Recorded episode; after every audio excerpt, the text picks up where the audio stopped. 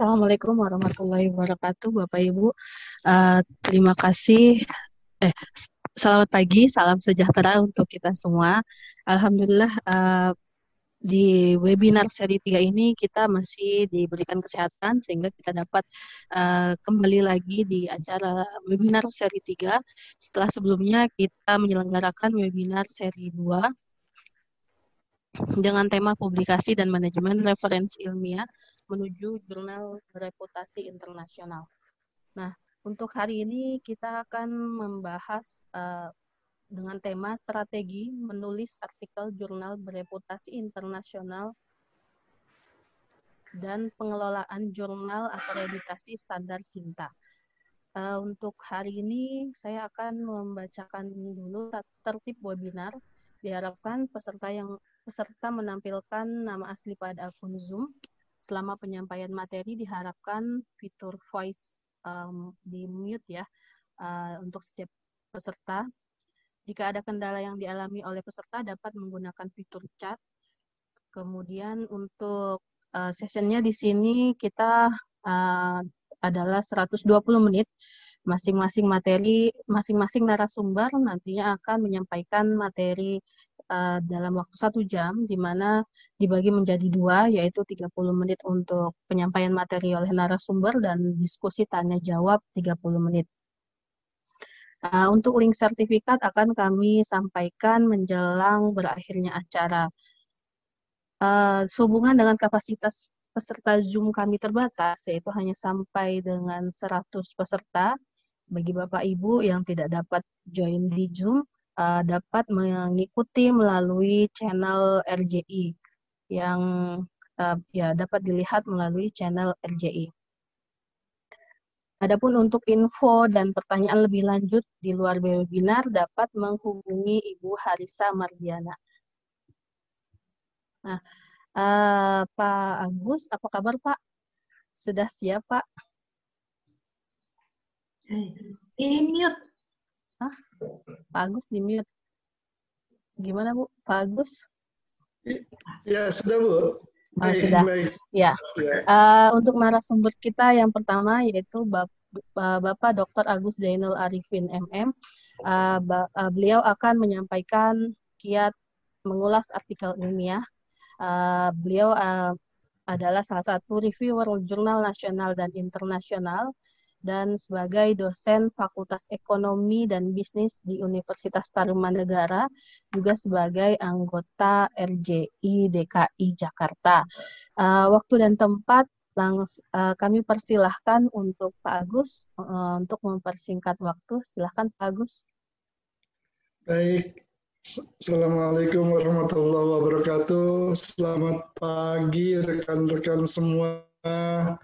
Semoga sehat selalu dan tetap beraktivitas meskipun ruang gerak kita terbatas. Bisa disajikan, Bu? Ya, siap, Pak.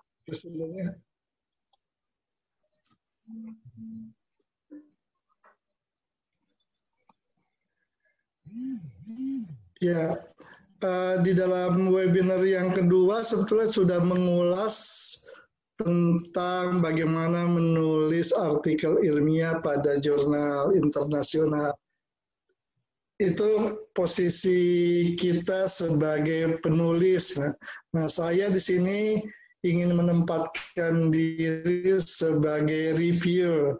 Nah, dengan kata lain, uh, mengulas hasil tulisan dari para penulis yang diunggah ke jurnal, sebelum dipublikasikan untuk dinyatakan layak atau tidak.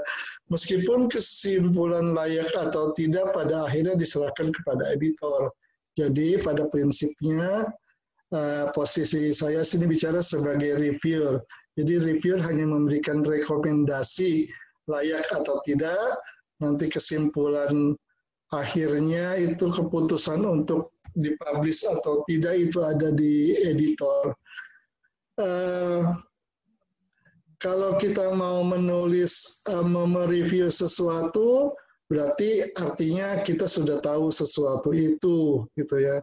Sesuatu itu dengan kata lain ya kita memang harus mulai belajarnya sebagai penulis dulu uh, seperti saya juga menulis di sana sini, kemudian dicoret sana sini, ditolak sana sini.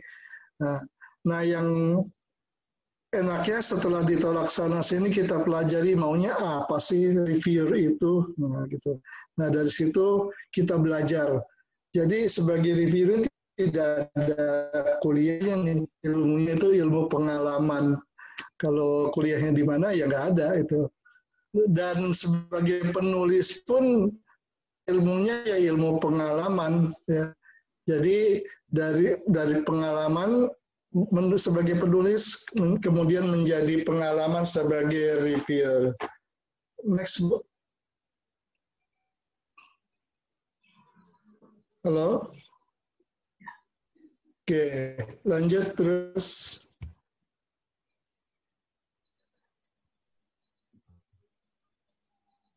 Ya. Berarti kita sebagai penulis langkah pertama ya harus menulis harus menulis apa bagaimana menulis? Nah bagaimana menulis? Ya kita nggak usah pikirkan bagaimana dulu karena kita belum tahu tulisan kita ini mau dikirim ke mana. Atau mungkin kita sudah tahu nah, saya dicocok nih pemikir skop tulisan saya di jurnal ini. Nah, kalau sudah cocok, kita bisa bisa mulai dari melihat template-nya bagaimana. Nah, untuk cocok atau tidaknya, berarti kita harus cari dulu uh, jurnalnya. Kita cari di, kalau saya biasa cari di Scopus, ya, cari di Scopus, nanti dilihat sana uh, skop-skopnya. Dari skop kita ambil, Eh, beberapa jurnal kita pelajari dari situ akan kita ketahui ya skop saya ini cocok untuk di jurnal ini. Nah dari situ kita ambil template dari jurnal tersebut. Bisa dari template-nya, bisa dari contoh artikel yang sudah terbit di jurnal tersebut. Dua pilihan saudara. Kalau saya ambil dua-duanya karena template terkadang juga ada sesuatu yang diinginkan oleh review oleh editor uh, tidak lengkap sana. Ya. Jadi kalau untuk melihat lengkapnya, kalau saya lebih senang melihat contohnya, contoh dari artikel tersebut sudah terbit di jurnal yang akan kita tuju. Nah, dari template itu kita melihat abstraknya apa sih maunya abstrak nanti akan saya akan diberikan contoh bentuk-bentuk abstrak, komponen-komponen abstrak, dan sebagainya ada ada contoh saya, saya berikan di belakang. Selanjutnya kita uh, menulis. Nah ini yang pertama kali di, di review ini adalah setelah melihat kecocokan antara abstrak dengan judul cocok. Nah, umumnya saya biasanya uh, review dari tulisan saya itu dilihat cocok tidak judulnya. Nah, judul terkadang yang umum orang Indonesia adalah pengaruh pengaruh A terhadap B melalui mediasi C begitu. Nah, untuk jurnal internasional mungkin itu sesuatu yang tidak menarik ya. Kita harus membuat suatu judul yang sifatnya apa heboh gitu ya, heboh. Nah, apakah A apakah A mampu menjelaskan mampu menjelaskan B jika nah, jika adanya keberadaan C. Nah, jadi judul itu uh, kita buat sesuatu yang menarik lah. Orang lihat judulnya langsung menarik. Itu. Kemudian juga masalah citasi dan referensi, ini baru pokok-pokok yang saya dulu ya. Kemudian penggunaan metode yang tepat, dan adanya teori dan logika teori yang digunakan itu uh, tepat juga. Nah, dilanjutkan dengan diskusi. Next, Bu. Lanjut.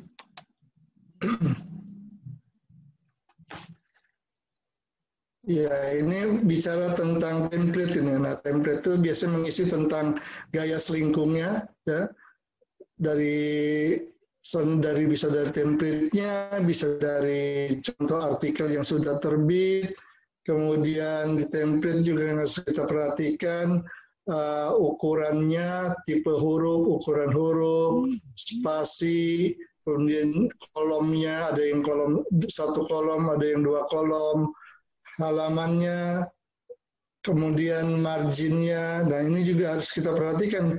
Yang menurut yang pengalaman saya ini ah ini gampang dan nanti ya. Ternyata untuk jurnal-jurnal internasional mereka itu sangat teliti sekali ya. Sangat teliti sekali uh, melihat masalah ini. Kalau tidak cocok dikembalikan saja gitu. Padahal isinya belum di belum dibaca ya. Nah identitas penulis nah identitas penulis ini yang harus hati-hati nih bapak ibu. Uh, terutama yang namanya lebih dari satu ya seperti nama saya Agus Jainul Arifin. Nama terakhir itu jangan disingkat, jadi jangan Agus J Agus Jainul A. Nah, kenapa? Karena yang nanti akan itu kalau jurnal kita terpublikasi nama nama akhir kita yang itu kan dan kita sudah tahu itu ya. Nah, institusinya juga bagaimana uh, apakah penulisannya kalau kita mau terbit di jurnal internasional uh, menulisnya seperti saya Tarumanegara University atau Universitas Tarumanegara. Nah, kalau saya ke, sudah kadung ya, sudah kadung Tarumanegara University, ya saya tulis begitu.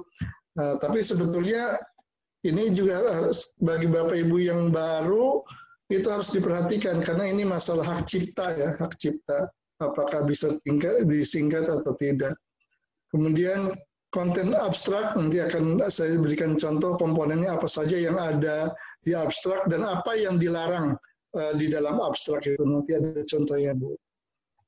Nah, jumlah kata juga ini sangat penting ya. Jumlah kata kata maksimum ya. Jumlah kata maksimum jadi kita boleh kurang. Dan lebih ringkas lebih bagus. Yang penting menggambarkan uh, body dari tulisan kita semua. Penulisan judul dari tabel dan gambar dan tipe bibliografinya.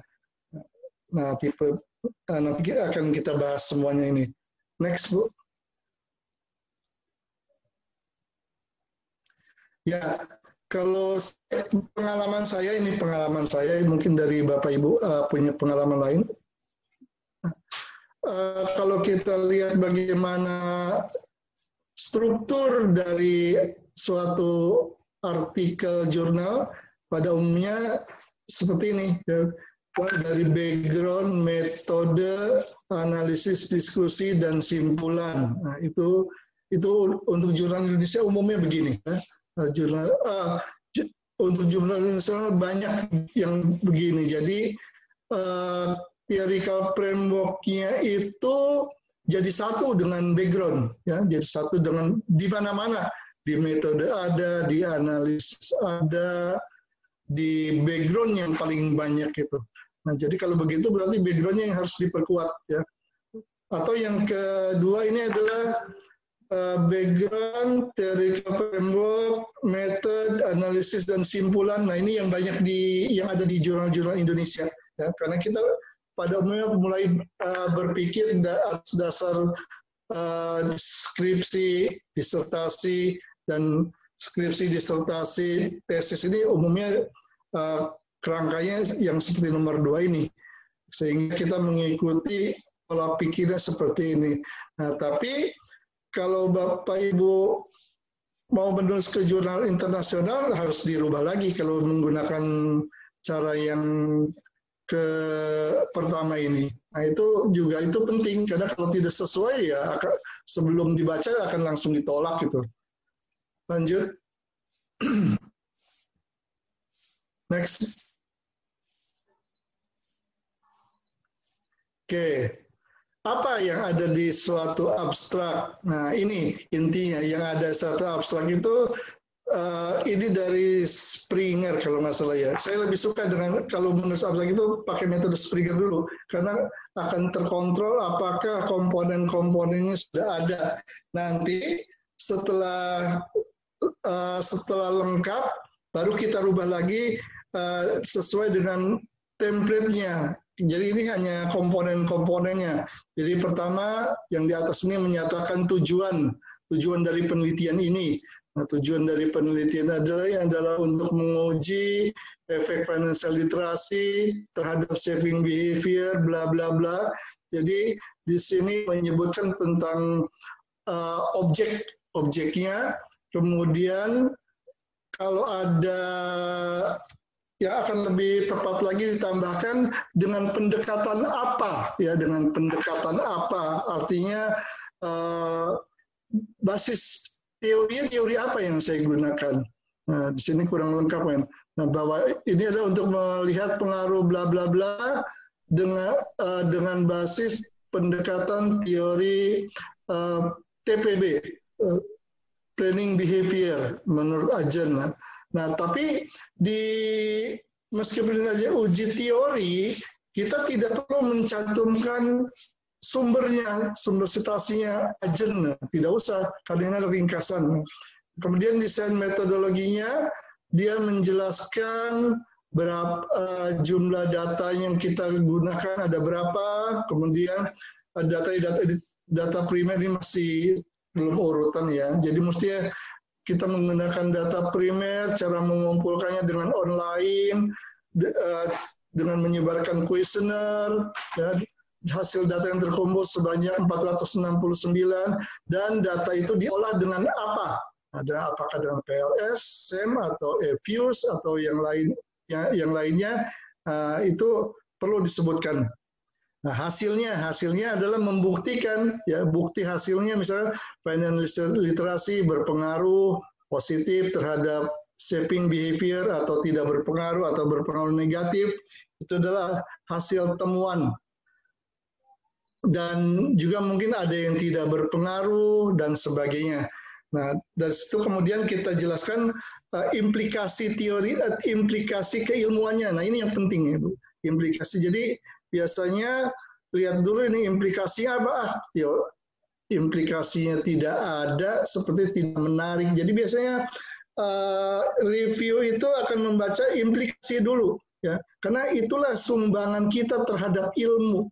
Nah, sumbangan kita kembali itu adanya di implikasi ya. Kalau kita kalau kita tidak menunjukkan kita tidak memberikan sumbangan apa-apa ya semuanya dianggap sebagai uh, latihan statistik saja jadinya gitu dan nilai originalitasnya ya nilai original. Nah inilah komponen-komponen yang harus kita masukkan di dalam abstrak. Ini men, uh, saya gunakan uh, dengan metode Springer ini. Nah selanjutnya kita lihat di template apakah seperti ini bagaimana ya tinggal kita rob kita robah lagi tapi dengan tidak meninggalkan komponen-komponen ini. Ini komponennya. Nah, bentuknya nanti mengikuti templates. Next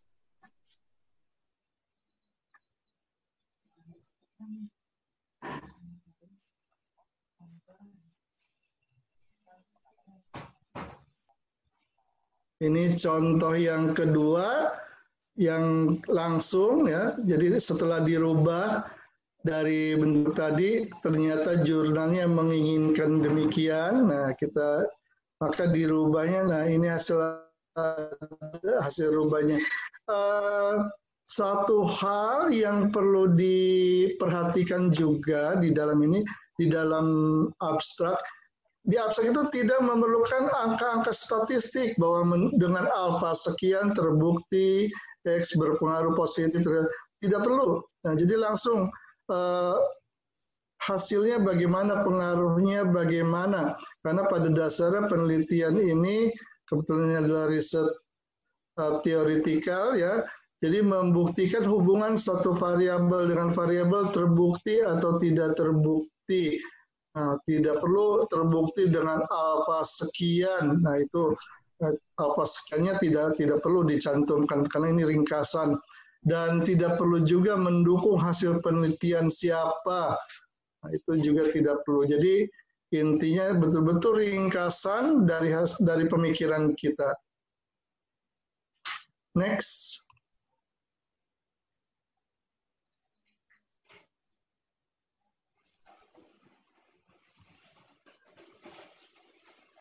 Oke, okay. meskipun itu komponen yang harus kita perhatikan, tapi uh, kalau kita sebagai pemula ya jangan takutlah menulis ya, jangan takut menulis. Pokoknya tulis saja, tapi perhatikan komponen itu. Apakah statement yang ada di abstrak tersebut sudah cocok atau tidak, sudah lengkap atau tidak. Nah, itu yang kita khawatirkan. Apalagi kalau kita mengirimnya ke jurnal nasional. Nah, jurnal nasional uh, yang kelengkapan dari komponen itu sering kali, saya katakan sering kali nah, tidak diperhatikan. Nah, mereka uh, lebih banyak memperhatikan tentang jumlah katanya terpenuhi atau tidak itu saja.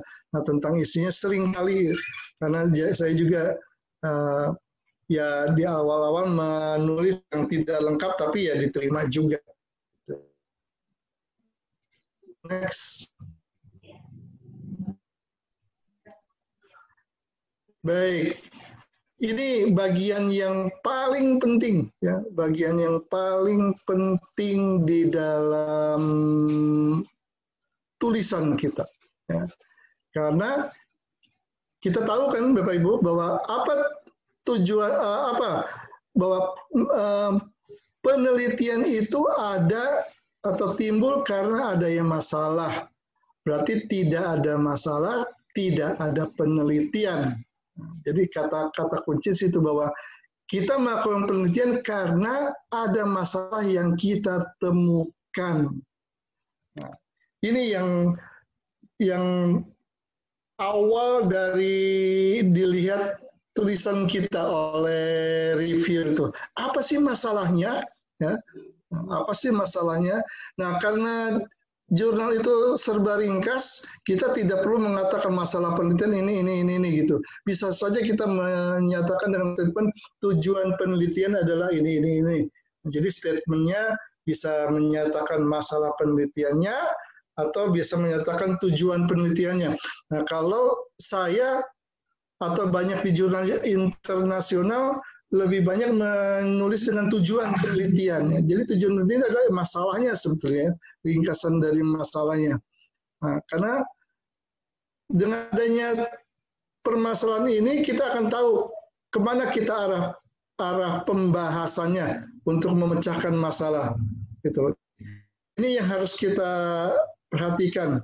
Nah, sering di artikel-artikel nasional ini tidak ada ini ya Tahu-tahu bahwa penelitian saya adalah untuk menguji X1, X2 terhadap Y. Nah, kok dari mana itu X1, X2-nya? Ibaratnya masalah itu saya selalu mengibaratkan seperti orang sakit, uh, bukan orang datang ke dokter untuk berobat. Nah, dokter dokter akan lihat penyakitnya apa. Berarti dokter kita akan melihat, review akan melihat masalahnya apa. Nah, kenapa? Karena dia bilang, dok saya panas badan saya. Nah, badan panas itu belum tentu ada penyakit, bisa jadi habis kehujanan, ya sudah aja kasih vitamin suruh tidur, selesai. Tapi bisa juga masalah. Nah, untuk melihat masalah berarti kan dokter akan memeriksa labnya, ya dari hasil lab disimpulkan penyakitnya apa? Oh, dari mana penyakitnya karena demam berdarah atau karena tifus atau karena yang lainnya. Nah, jadi dengan indikator yang sama, masalahnya belum tentu sama. Nah, gitu. Itu. Nah, jadi kita melihat masalahnya apa. Nah, masalahnya apa? Itu harus dikemukakan, ditunjukkan. Nah, masalah penelitian itu jadi uh, memang maaf saya mundur dulu. Kalau dari sebagai review kita harus juga berpikir sebagai penulis juga. Nah, jadi dan masalah penelitian itu bisa diperlihatkan dengan adanya cara yang tertinggi itu adalah gap ya gap teori, adanya kekosongan teori, ya, adanya kekosongan teori, ada x terhadap y terhadap y, ada logika yang tertinggal ya mestinya ada sesuatu antara X dengan Y ini. Ya, apa itu? Nah, itulah gap teori. Nah, seperti uh, di dalam penelitian saya, income berpengaruh terhadap kepuasan keuangan. Loh, apakah betul income tinggi, kepuasannya juga tinggi?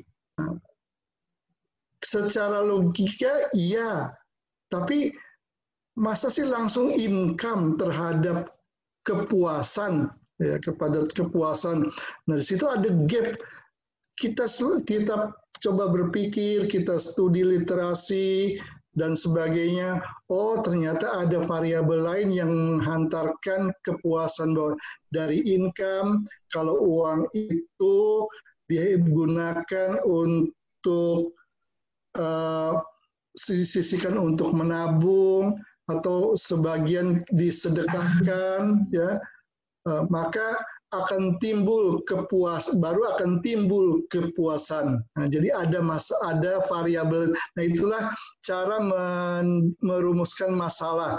Jadi men, uh, adanya gap teori, ada kekosongan ilmu. Itu cara yang pertama. Cara yang kedua yang umum kita dapatkan atau kita pelajari, mungkin kita juga sampaikan kepada pembimbingan kita, karena adanya hasil-hasil penelitian yang belum relevan. Ya. X terhadap Y, menurut A berpengaruh positif, menurut B tidak berpengaruh, ada yang berpengaruh negatif. Nah, saya ingin me menguji kembali, ya, ingin menguji kembali. Sebetulnya kalau dari dengan sampel yang saya pakai ini pengaruhnya bagaimana gitu hasilnya. Itu bisa dari situ. Bisa juga dari hasil penelitian karena hasil sudah sudah konsisten ya, hasil sudah konsisten tapi nilai R square-nya masih rendah. Nah, nilai R square dengan hasil rendah. Kan R square itu menunjukkan kontribusi variabel independen terhadap dependen ya kan artinya kalau masih rendah sebetulnya masih bisa ditambah variabel lain. Nah, cuma mungkin cara yang ketiga ini uh, ya untuk S1 lah ya, untuk S1. Kalau untuk Bapak Ibu mau kirim ke jurnal internasional, saya yakin itu uh, akan ditolak gitu ya. Nah, jadi cara yang cara pertama yang yang yang utama itu, yang kedua ada penelitian yang tidak relevan itu sajalah. Yang ketiga ini ya bolehlah disampaikan untuk latihan di mahasiswa. Cuma kalau kita kan sebagai pembimbing yang ingin dapat ilmu ya, tapi kalau itu yang disampaikan cara ketiga kita nggak dapat ilmu apa-apa ya. Ya itu. Nah dari sini baru kita lihat baru mau uh, permasalahan ada di background. Nah sekarang apa yang harus dinyatakan di dalam background? Jadi di dalam background ini paling tidak ada empat komponen yang harus dipenuhi. Nah, saya uh, kalau uh, penekanannya saya ke internasional saja ya Bapak Ibu ya. Karena kalau kalau nasional bisa jadi mungkin tiga komponen sudah cukup gitu. Dan itu kurang diperhatikan. Ya, pertama uh, pentingnya fokus riset kita ya, fokus riset kita. Nah, riset kita ini bicara tentang apa ya? Tentang apa dan dasar uh, grand teorinya, teori dasarnya apa, ya. Nah itu yang di jurnal nasional itu sering sekali tidak ada, ya. Tahu-tahu uh, penelitian saya ada untuk menguji X1 terhadap Y. Nah, eh, kenapa kita gunakan X1 terhadap Y, tidak X2 terhadap Y? Karena yang memperoleh Y itu kan banyak sekali. Nah, alasan adalah Alasannya karena kita menggunakan teori dasar atau grand teori ini, ya teori dasar ini. Nah, kalau teori dasarnya berbeda, maka variabelnya akan berbeda. Ya. Jadi kita nyatakan dulu bahwa pentingnya uh, penelitian kita dengan dengan pendekatan teori apa? Nah, dengan pendekatan teori Plan behavior ya mengatakan bahwa suatu tindakan itu penting dimulai dengan niat. Niat dipengaruhi oleh dengan kapas capability. Nah, maka bahwa teori ini tepat dijadikan uh, sebagai pendekatan karena ya karena tadi financial literasi itu adalah bagian dari kapasitas seseorang untuk melakukan suatu aktivitas investasi. Jadi penting pentingnya itu uh, pentingnya uh, penggunaan teori-teori dan dasar teorinya. Nah, lalu alinea kedua, jadi minimum satu satu pernyataan ini satu alinea kalau saya biasa begitu. Jadi sehingga di background itu ada empat alinea ya. Masalah riset, nah masalah riset dibuktikan bahwa ternyata uh, dari pernyataan di alinea pertama bahwa uh, masalah investasi itu penting. Tapi, nah di sini masalah riset. Tapi di dalam prakteknya, gitu ya, di dalam prakteknya bahwa uh, aktivitas investasi di Indonesia ini masih rendah. Dibuktikan dengan data, dinyatakan misalkan dibandingkan bahwa jumlah investor di Indonesia itu sangat rendah, masih 2 juta orang di negara lain itu sudah sampai puluhan juta dibandingkan dengan Singapura yang masyarakat kecil itu jauh tertinggal. Nah, itu artinya ada ada masalah ya, ada masalah dari penelitian kita berupa apa? Berupa masalah aktivitas investasi. Oh, maaf Bapak Ibu saya di pendekatannya dengan teori dengan keuangan ya karena latar belakang saya keuangan. Mungkin latar belakang Ibu uh, yang lain ya. Jadi masalah itu intinya ada di variabel paling kanan kalau independen independen berarti ada variabel dependen. Buktikan bahwa dari variabel dependen yang kita akan teliti itu memang bermasalah. Nah, itu.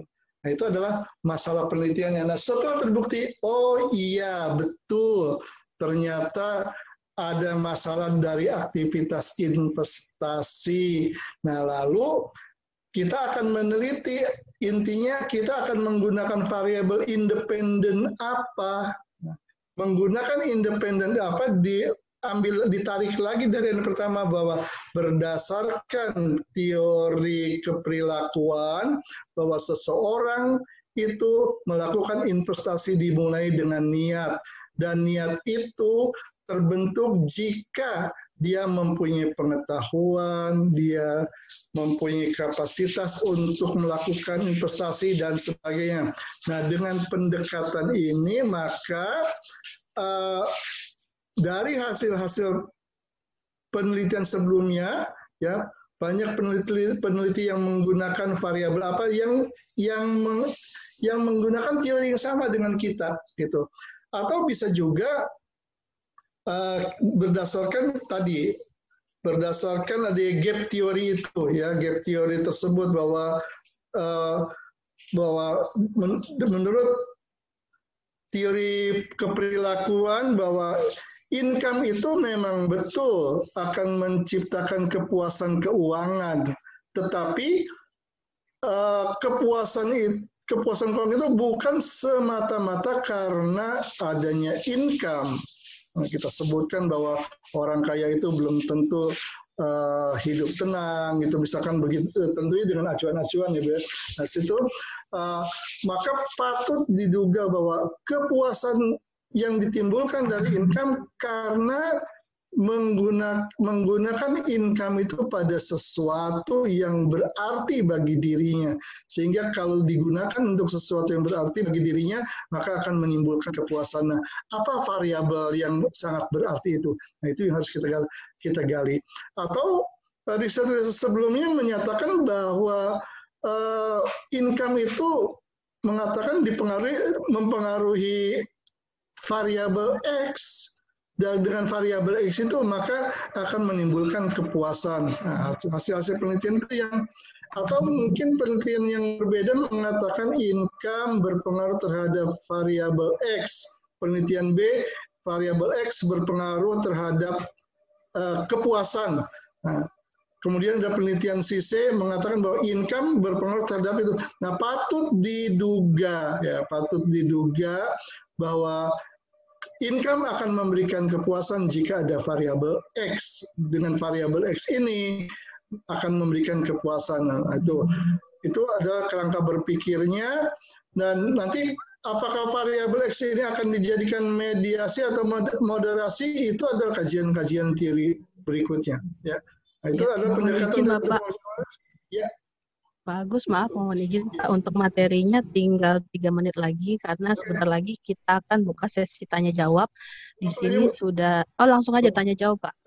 Bu, gitu Bu, ke contohnya Bu, ke contoh, contoh paling belakang. Karena contohnya lebih lebih enak. Oh iya, baik Pak. Terus ada halaman tiga halaman terakhir itu Bu. Terus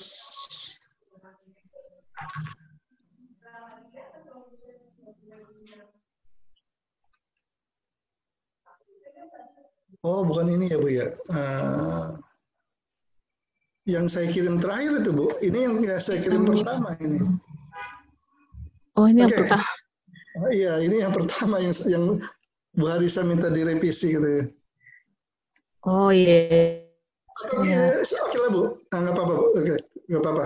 Karena intinya kalau yang saya saji ke, kirim ke yang pertama ini kan kita sebagai penulis, artinya ya sebagai reviewer kita harus tahu sebagai penulis apa.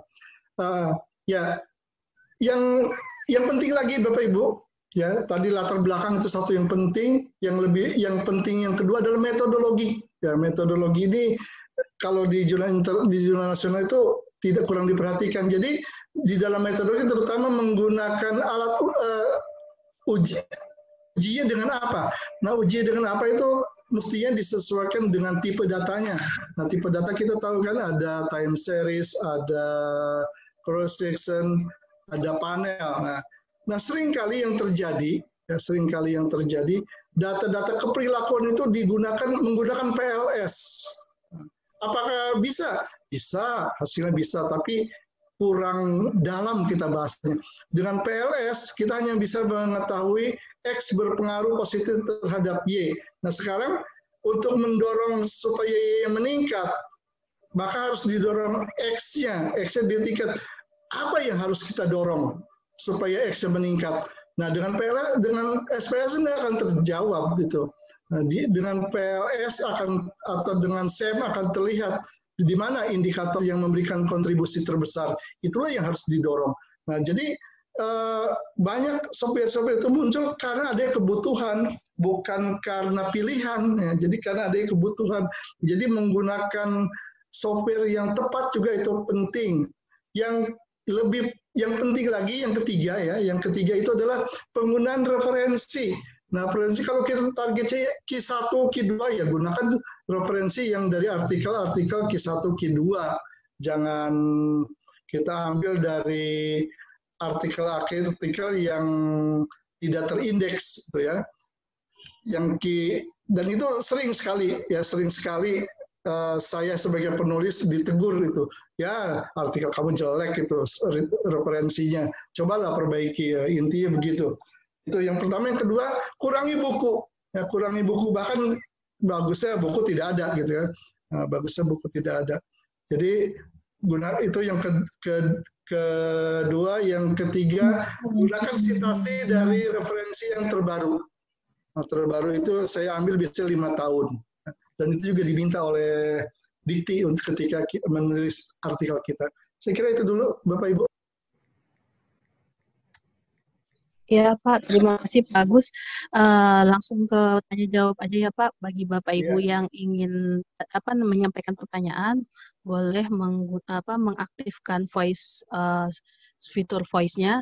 Nah ini ada uh, pertanyaan dari YouTube Pak, dari Ibu Dwi Ermayanti. Pertanyaannya oh, ya, yang ya. pertama, bagaimana cara menemukan masalah yang benar dalam sebuah penelitian berdasarkan kejadian yang ada? Ini langsung dijawab atau lanjut ke pertanyaan kedua, Pak? Uh, karena sudah, sudah faktor U, nanti kalau dikumpulin lupa saya, Bu. Oh iya, ya udah langsung dijawab aja, Pak.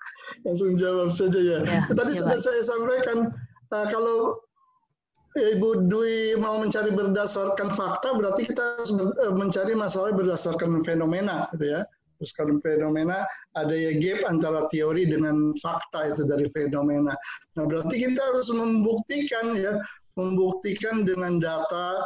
Misalkan tadi saya bicara tentang literasi literasi keuangan ya. Dan saya sampaikan bukti sana bahwa masyarakat Indonesia ini masih sangat rendah pengetahuan keuangannya. Ditunjukkan bukti menurut BPS atau OJK bahwa kita itu hanya di bawah di bawah 20 persen, sedangkan di negara lain Malaysia saja yang relatif dekat itu sudah di atas 30 persen.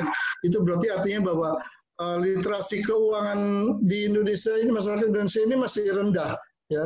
Nah itu jadi melihatnya bukti bukti berdasarkan fenomena fakta. Nah faktanya harus dibuktikan dengan data. Nah, data dan data itu harus data dari sumber yang dapat dipertanggungjawabkan, tidak bisa kita ambil dari komentar-komentar nah, atau bisa juga mendapat eh, kita ambil dari cuma ini hanya pendukung aja ya, pendapat ahli ya, pendapat ahli yang ditulis di media massa. Nah, tapi itu pendukung saja ya, pendukung saja, bukan data utama. Nah, data utama itu harus dari sumber-sumber yang dapat dipertanggungjawabkan seperti BPS, Bank Indonesia, OJK dan sebagainya. Itu jadi dari dari itu. Kalau memang masalahnya dari masalah praktek ya, nah, itu berarti yang yang kedua itu pendekatan gap antara teori dengan fenomena. Nah, teori dengan fenomena itu. Ya. Baik Pak, untuk pertanyaan yang berikutnya masih dari Bu Dwi juga, pertanyaannya adalah bagaimana cara menemukan novelty dalam penelitian yang variabelnya sudah diteliti berulang-ulang? Ya, uh, novelty. Jadi memang ini kata kuncinya, terutama untuk jurnal internasional harus ada novelty. Tidak ada novelty, ya kita siap-siap kecewa ditolak itu. Karena kata kunci ini novelty. Nah, novelty itu bisa kita, kalau diambil dari jurnal yang berulang-ulang, ya, bisa kita lakukan dengan kolaborasi teori, ya, kolaborasi teori menurut A dan B dengan pendekat.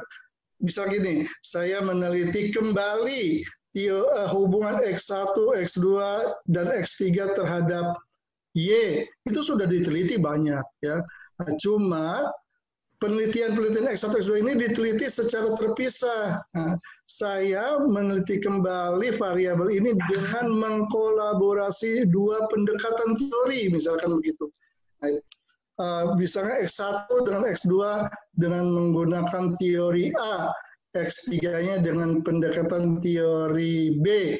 Nah, seperti apa yang sudah saya lakukan, saya mengkolaborasi antara teori TPB dengan teori uh, risk return bahwa di dalam uh, investor di dalam menginvestasikan dananya bukan hanya semata-mata adanya perilaku dia mau menabung mau menginvestasi atau tidak, tetapi di dalamnya ada faktor ekonomi. Berarti ada dua pendekatan. Nah, jadi saya ambil awalnya dari pernyataan bahwa di dalam melakukan investasi investor itu um, mempunyai dua, uh, didasarkan pada dua faktor, faktor psikologi dan faktor ekonomi. Nah, faktor psikologi saya gunakan teori TPB dari Ajen dan faktor ekonominya saya ambil dari teori risk return. Nah, itu itu yang uh, nah itu kebetulan uh, baru baru terbit itu ya saya dapat di Q2 itu. Itu Bu, jadi bisa dari situ.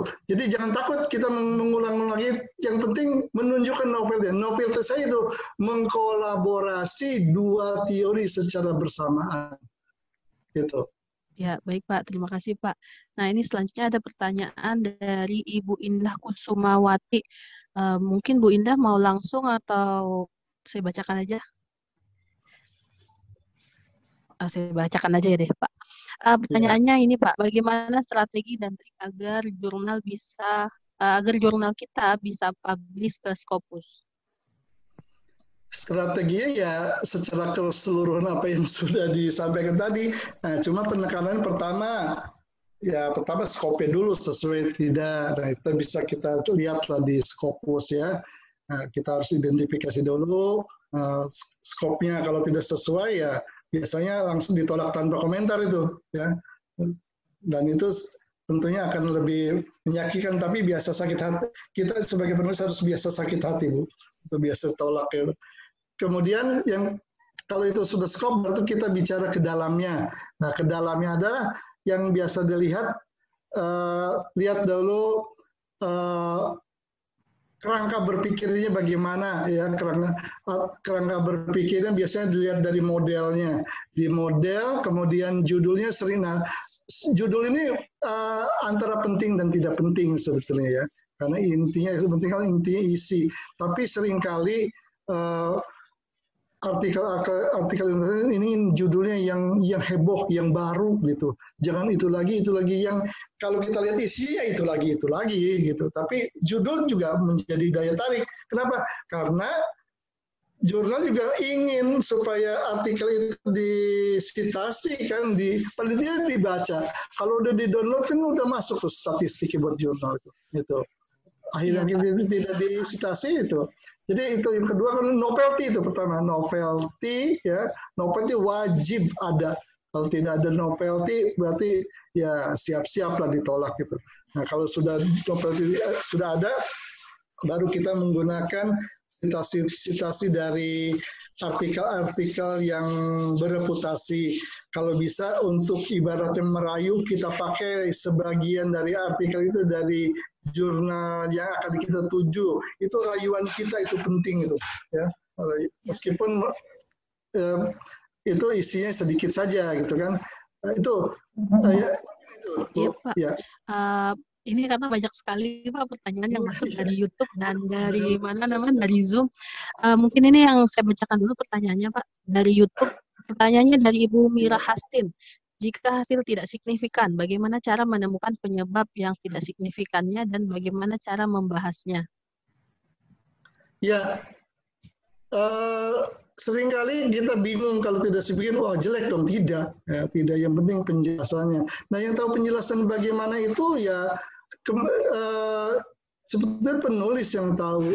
Tapi intinya adalah kita kembali. Nah, ini pentingnya kita menggunakan teori dasar, Bu ya pentingnya kita menggunakan teori dasar karena kalau sekedar teori yang menjelaskan uh, X berpengaruh terhadap Y teorinya begitu jika uh, apa hukum permintaan jika harga naik permintaan turun berarti hukum uh, harga berpengaruh negatif terhadap permintaan kalau cuma itu ya kita miskin sekali untuk bahasan oh jadi akibat dari permintaan ini uh, tidak signifikan karena adanya uh, permintaan yang mungkin berubah-ubah cuma itu.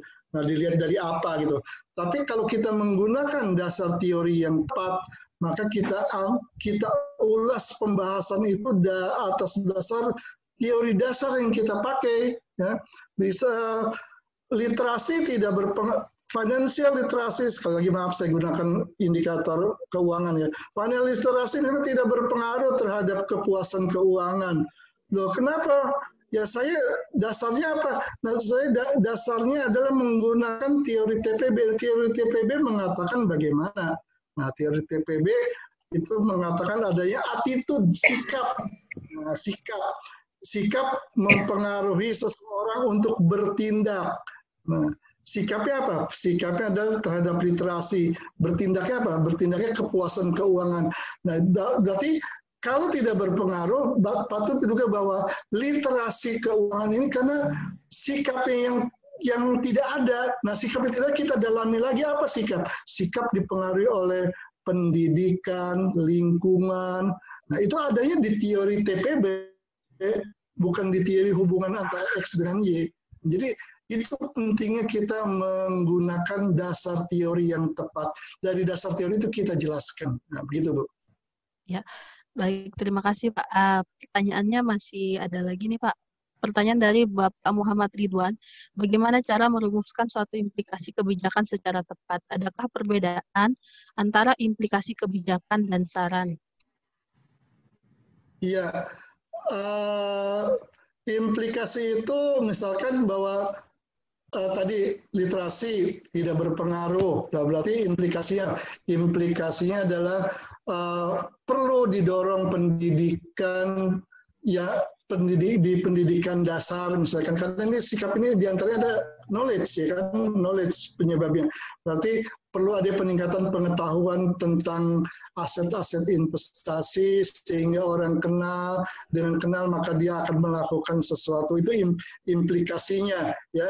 Nah, kalau ke sarannya sarannya itu biasanya tidak tidak ke, bisa dikaitkan kepada implikasi. Kalau implikasi itu tidak bisa disaran ya. Uh, sarannya itu mungkin atau bisa begini. Uh, untuk memperkuat hasil riset ini maka patut diduga perlu dimasukkan di sarannya uh, variabel lain karena tadi hasil tidak bagus, uh, tidak tidak sesuai dengan hipotesis dan mungkin dilihat juga dari R square masih rendah maka ditambah variabel lain dengan harus sebut kalau kita menyarankan tambah variabel lain, variabel apa? Nah, saya sebutkan perlu adanya financial knowledge di dalam penelitian selanjutnya. Jadi bisa dikaitkan begitu, Bu. Ya. Nah, ya terima kasih Pak. Satu lagi nih ada pertanyaan, oh ada beberapa sih Pak nih. Yang dari Bapak Muhammad Rosadi, pertanyaannya bagaimana membuat literatur review yang baik? Literatur review yang baik di dalam bodinya nih Bu ya. Ya intinya kita itu pertama ya intinya ada banyak bacaan nih Bu ya. Nah sekarang kita gini, uh, kita ingin bicara tentang apa? Uh, tentang tadi financial literasi terhadap kepuasan keuangan. Nah, kita kan harus cerita, Bu bahwa literasi adalah kemampuan seseorang atau pengetahuan terhadap aset-aset keuangan uh, bahwa ini penting bagi bagi individu juga bagi perekonomian internasional juga penting maka uh, kepentingan ini berdampak kepada apa? Dengan literasi ini akan memberikan jaminan kehidupan bagi individunya, untuk kebutuhan di masa yang akan datang dan sebagainya bla bla bla. Nah itu logikanya dulu Bu ya, logikanya dulu. Nah sekarang uh, baru kita selusuri uh, dengan sekarang kan gampang ya. Terutama uh, kalau kita sudah menggunakan Mendeley Note, kita lihat nanti uh, literasi apa itu literasi keuangan. Uh, literasi keuangan dampaknya terhadap apa? Kan kita ada cerita literasi keuangan dampaknya terhadap uh, yang disebabkan oleh knowledge Kita lihat hubungan antara dengan bahasa Inggris hubungan antara uh, knowledge dengan literasi. Kita itu searching delay atau di note akan keluar uh, beberapa penelitian ya beberapa penelitian. Nah ambil satu dua penelitian dia mengkaji bagaimana.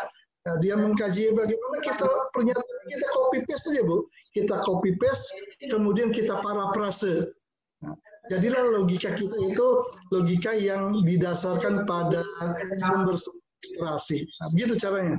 Ya, terima kasih Pak. Selanjutnya pertanyaan dari YouTube uh, oleh Pak Fuad Hazik. Pertanyaannya hasil disertasi tesis, bagaimana cara memecah menjadi beberapa artikel jurnal? Alurnya seperti apa? Karena khawatir self plagiarism. Ya, kalau self plagiarisme itu kan plagiat bukan pada apa bodinya ya, tapi plagiat uh, kepada konten narasinya sebetulnya ya, kepada narasinya. Intinya pertama bagaimana mem, uh, apakah disertasi bisa ya bisa lah ya kan uh, jadi jurnal artikel karena kalau bahkan kan wajib itu ya wajib. Nah, cuma nanti ketika kita men ini kemampuan meneliti tidak sama dengan kemampuan menulis. Jadi sebagai penulis harus mampu kemampuan meneliti dan menulis.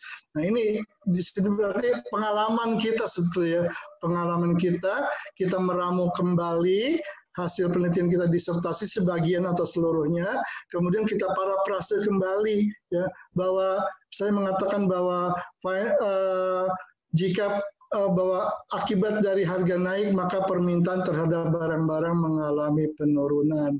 Nah, kita itu kan yang ada di disertasi kita. Lalu kita para perasakan bagaimana uh, uh, para para prase di artikel kita uh, bahwa kebijakan dari pemerintah dari dari pemerintah dengan menaikkan BBM menyebabkan eh, barang-barang ini mengalami pengurangan. Nah, pengurangan ini diduga karena, eh, ketidakmampuan masyarakat eh, ketidakmampuan masyarakat untuk membeli lebih banyak. Ini sama saja itu, Bu. bahwa akibat harga naik, permintaan turun. Intinya sama saja, ya kan? Ya. Jadi para prasenya itu, karena plagiat itu bukan ada di uh, bukan ada di dalam modelnya, nah, tapi ada yang di di narasi. Jadi narasinya harus kita para prase. Ya Bu. Ya Pak. Uh, mungkin ada akan ada dua pertanyaan lagi nih Pak. Yang pertama uh, ini masih dari YouTube. Mengapa referensi dari buku tidak begitu dipentingkan? Uh, ini pertanyaan dari Pak Dodi Suprianto. Kemudian, bukankah referensi buku ini dapat memper, memperkuat sebuah teori? Ya, baik. Uh, kalau uh, saya katakan bahwa tidak terlarang kita mengutip dari buku, cuma mengurangi. Gitu. Kenapa? Pertama, apalagi kita mengutip buku terjemahan, buku asing yang kita baca buku terjemahannya itu sangat uh, sangat tidak etis itu ya. Saya katakan sangat tidak etis. Yang kedua, kalau mengutip dari buku, buku itu kan perkembangannya lambat. Kita ambil kutip dari Western Copeland tahun 92 itu bu terakhir tuh Western Copeland masih kita kutip juga. Nah itu. Jadi padahal yang namanya penelitian itu kan perlu ada kebaruan. Dan kebaruan itu ada didasarkan ada perkembangan ilmu. Jadi boleh saja kita berpikir dan awalnya dari dari basis teori teori kan biasa lama itu kan. Jensen McLean tahun 76 lama sekali itu kan. Oke eh, nggak apa-apa mulai berdasarkan tapi penelitian itu berkembang terus ya kan? Nah referensi-referensi penguatnya itu harus dari artikel uh, penelitian yang relevan dan terbaharui. Bagaimana kita mau melihat ada hasil yang terbaharui kalau referensinya tua-tua gitu kan? Kan enggak dari sisi tahun lihat tahun yang kita citasi aja uh, review akan tahu ah ini ada kebaruannya belum dilihat dari isinya, Bu. Jadi dilihat itu dulu ada kebaruannya. Jadi uh, diperbanyak hasil-hasil penelitian yang terbaru. Nah, saya mengatakan terbaru saya pakai uh, kalau saya saya pakai lima tahun terakhir, Bu. Kalau 2020 berarti saya pakai minimum 2016 itu di diperbanyak itu ya diperbanyak. Nah, kalau tidak ada baru kita mundur setahun ke bawah, setahun ke bawah. Karena kan belum tentu ada penelitian-penelitian yang memang jarang gitu. Tapi kalau memang ada ya masa dan untuk mencari itu gampang sekarang dengan adanya online. Nah, jadi kita ketik saja variabel apa di Mendeley, di akan keluar variabelnya. Itu gampang sekali. Kalau dulu kan zaman saya itu harus cari ke perpustakaan ini, perpustakaan itu keliling nah, dengan Bu Hasna tuh ya Bu keliling ke sana ke sini cari referensi. Jadi kalau sekarang tidak, kita sebelum menjelang tidur kita bisa duduk di depan komputer. Kita dapat saat itu juga. Kira gitu, Bu. Iya, Pak. Terima kasih, Pak. Yang berikutnya dari Bu Kartini. Bagaimana bagaimana bobot penilaian agar diterima di jurnal internasional terindeks dan pemilihan yang pemilihan jurnal yang cocok atau yang tepat seperti apa? Ya, intinya pertama cocok dulu Bu ya. Cocok artinya sesuai antara tulisan kita dengan dengan skop jurnalnya intinya itu dulu. Jangan jangan kita coba-coba wah ini jurnalnya saya satu nih kan kirim tahu jurnal fisika atau jurnalnya jurnal ekonomi ekonomi pembangunan padahal artikel saya adalah ekonomi manajemen keperilakuan itu tidak sesuai dengan skop skopnya dulu itu yang pertama. Uh, yang kedua ya selebihnya harus kita penuhi itu komponen-komponen yang ada di artikel ya. Komponen-komponen yang ada di artikel dan atas dasar bekal dasar itu ya kita bolehlah yakin. Ya yakinnya mungkin bisa 50-50 dulu tapi kan kita sudah merasa nyaman kita mengirim. Kenapa? Karena kalau skopnya sudah ada isinya sesuai, itu kalaupun ditolak itu pasti dikomentari. Ya, artikel itu pasti dikomentari. Komentar itulah yang menjadi masukan buat artikel kita selanjutnya kita perbarui, kita kirim lagi ke jurnal yang lain. Ya. Nah kalau komponen-komponen saya tidak terpenuhi, udah langsung saya pernah ya, ya dalam pembelajaran juga kan saya juga pernah gitu langsung ditolak tanpa komentar. Jadi apa salah saya gitu? Apa yang harus saya perbarui? Jadi saya nggak dapat apa-apa. Jadi intinya adalah tadi copy dulu, kemudian komponen-komponen dari artikel, yang pertama di abstrak, yang kedua di novelty, penelitian terbaharui, eh, dasar teorinya itu intinya harus harus ada. Ya, jadi sekali lagi abstraknya komponen abstrak, novelty, kemudian referensi yang terbaharui, uh, ya itu yang yang minimum harus ada dan harus isinya bagus gitu ya. Nah kalau itu insya Allah kalaupun ditolak ya pasti ada komentarnya ya bahwa itu kurang ini kurang ini kurang ini kita perlu kita kirim yang lain. Nah jadi kita jangan merasa bahwa sebagai peneliti ini kan penelitian saya saya yang serba tahu apa hak Anda menolak artikel saya nggak begitu. Ya kita ini loh, saya punya makanan, saya sajikan ke orang lain, orang lain cocok atau tidak, oh saya nggak suka karena makanan terlalu pedas, jadi saya kembalikan gitu, yang nggak begitu. Atau mungkin kurang pedas ya, kalau kurang pedas di komentar, tolong dong tambahin lagi sambelnya. Nah komentar itu yang yang penting ya, itu bu. Ya Pak, mungkin ini satu lagi nih Pak pertanyaan terakhir untuk uh, pembahasan materi yang Bapak sampaikan yaitu dari Bapak Risman Bustamam. Pertanyaannya, apakah artikel ya. dari hasil library research tidak diterima di jurnal Scopus? Alasannya kenapa, gitu Pak? Ya, uh, jujur saya katakan untuk library research ini saya tidak berpengalaman dan tidak ada satupun saya punya tulisan itu ya.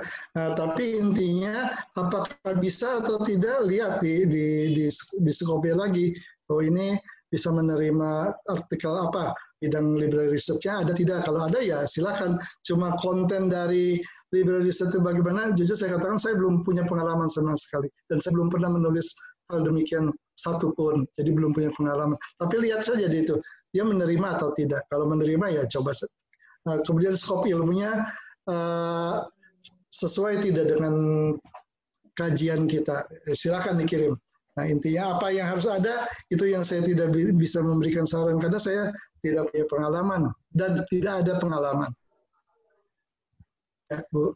Ya, baik Pak. Terima kasih Pak uh, atas materi yang Bapak sampaikan dan tadi juga sudah menjawab banyak sekali pertanyaan. Untuk materi dari narasumber pertama mungkin saya bisa kasih sedikit kesimpulan ya Pak bahwa kalau misalkan uh, kita ingin jurnal kita diterima di internasional yang pertama yang harus kita perhatikan adalah uh, fokus risetnya ya Pak. Kemudian ya. uh, komponen ada tadi terdapat enam komponen yang wajib ada di dalam abstrak. Kemudian uh, novelty-nya lalu uh, membuat judul yang uh, menarik sehingga dilirik oleh reviewer dan uh, kita harus memperbanyak referensi terbaru khususnya diperbanyak untuk jurnalnya gitu seperti itu ya Pak. Ya Bu. Ya terima kasih Pak uh, atas materinya. Uh, selanjutnya kita akan uh, ke narasumber kedua. Narasumber Jadi, kedua ini, ya? ya, ya Pak. Mau diskusi lebih lanjut bisa dikirim lewat WA atau email kan ada saya di situ kan? Ya, ya bagi Bapak Ibu yang misalkan mungkin tadi uh, ini Pak karena keterbatasan waktu ya Bapak Ibu ya. ada beberapa pertanyaan yang kelewat sehingga tadi belum uh, sempat dibacakan ya dan belum terjawab oleh Pak Agus bisa ya. dikirimkan ya. melalui uh, email Pak Agus dan WA-nya ada di sini atau nanti di apa namanya di link materi yang kami berikan itu akan ada juga email dan uh, eh, WA Pak Agus. Terima kasih Pak Agus. Uh, selanjutnya jika ada kekurangan Bapak Ibu ya. Ya, terima kasih Bapak. Uh, selanjutnya Pak Yazid, apa kabar Pak Yazid? Alhamdulillah. Sudah siap baik. Pak Yazid? Ya, oh, ya. siap. Nah, narasumber kita yang kedua ini ada akan membahas strategi promosi, pengelolaan dan akreditasi jurnal uh, eh sorry. Maaf pak. Ya uh, ini nih sebentar pak. Ini saya stop share dulu pak.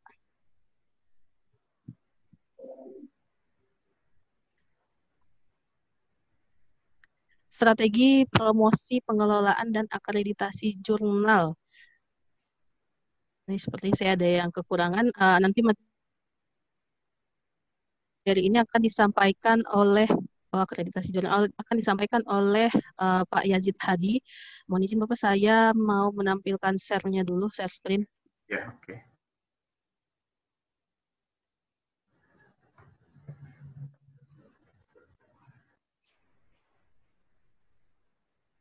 Oh, ya. ya. Nah, uh, Pak Yazid Hadi adalah uh, salah satu koordinator rumah jurnal FITK UIN Sarif Hidayatullah Jakarta dan uh, apa namanya ya? Sebentar pak. Dan uh, apa bagian editor dari pen, uh, dari pengelola jurnal di UIN Sarif Hidayatullah. Untuk mempersingkat waktu uh, Pak Yazid nanti materi disampaikan dalam 30 dalam waktu 30 menit dan 30 menit kemudian nanti kita akan tanya jawab. Silahkan waktu dan tempat untuk Pak Yazid. Assalamualaikum warahmatullahi wabarakatuh. Selamat pagi menjelang siang eh, rekan-rekan. Uh, terima kasih uh, moderator. Waalaikumsalam warahmatullahi wabarakatuh. Yang telah memberikan waktu kepada saya. Uh, saya akan menjelaskan bagaimana strategi promosi, pengelolaan, dan akreditasi jurnal standar Sinta Kenapa akreditasi jurnal standar SITA? Karena hanya uh, Sinta lah yang uh, di Indonesia yang mengakreditasikan jurnal-jurnal yang di Indonesia ini. Oke, okay, uh, eh, kita next langsung ke uh, materi next. Bu Nur next. Nah, ya seperti kita ketahui uh, definisi jurnal itu uh, publikasi yang diterbitkan uh, berkala oleh organisasi profesi atau institusi akademik artikelnya yang harus ilmiah uh, secara logis dan secara empiris dalam bidang ilmu tertentu. Nah, ini definisi jurnal yang akan biasanya diterbitkan oleh eh, jurnal-jurnal uh, ilmiah yang ada di Indonesia ini. Oke, okay, then next. Oke, okay. uh, di sinilah tahapan awal pembuatan jurnal. Kenapa saya memulai tahapan awal pembuatan jurnal? Karena banyak sekali jurnal-jurnal ilmiah uh, ketika dilahirkan atau dibuat ini kesalahan prematur di awal gitu sehingga ketika untuk proses akreditasi atau proses pengolahannya jadi prematur.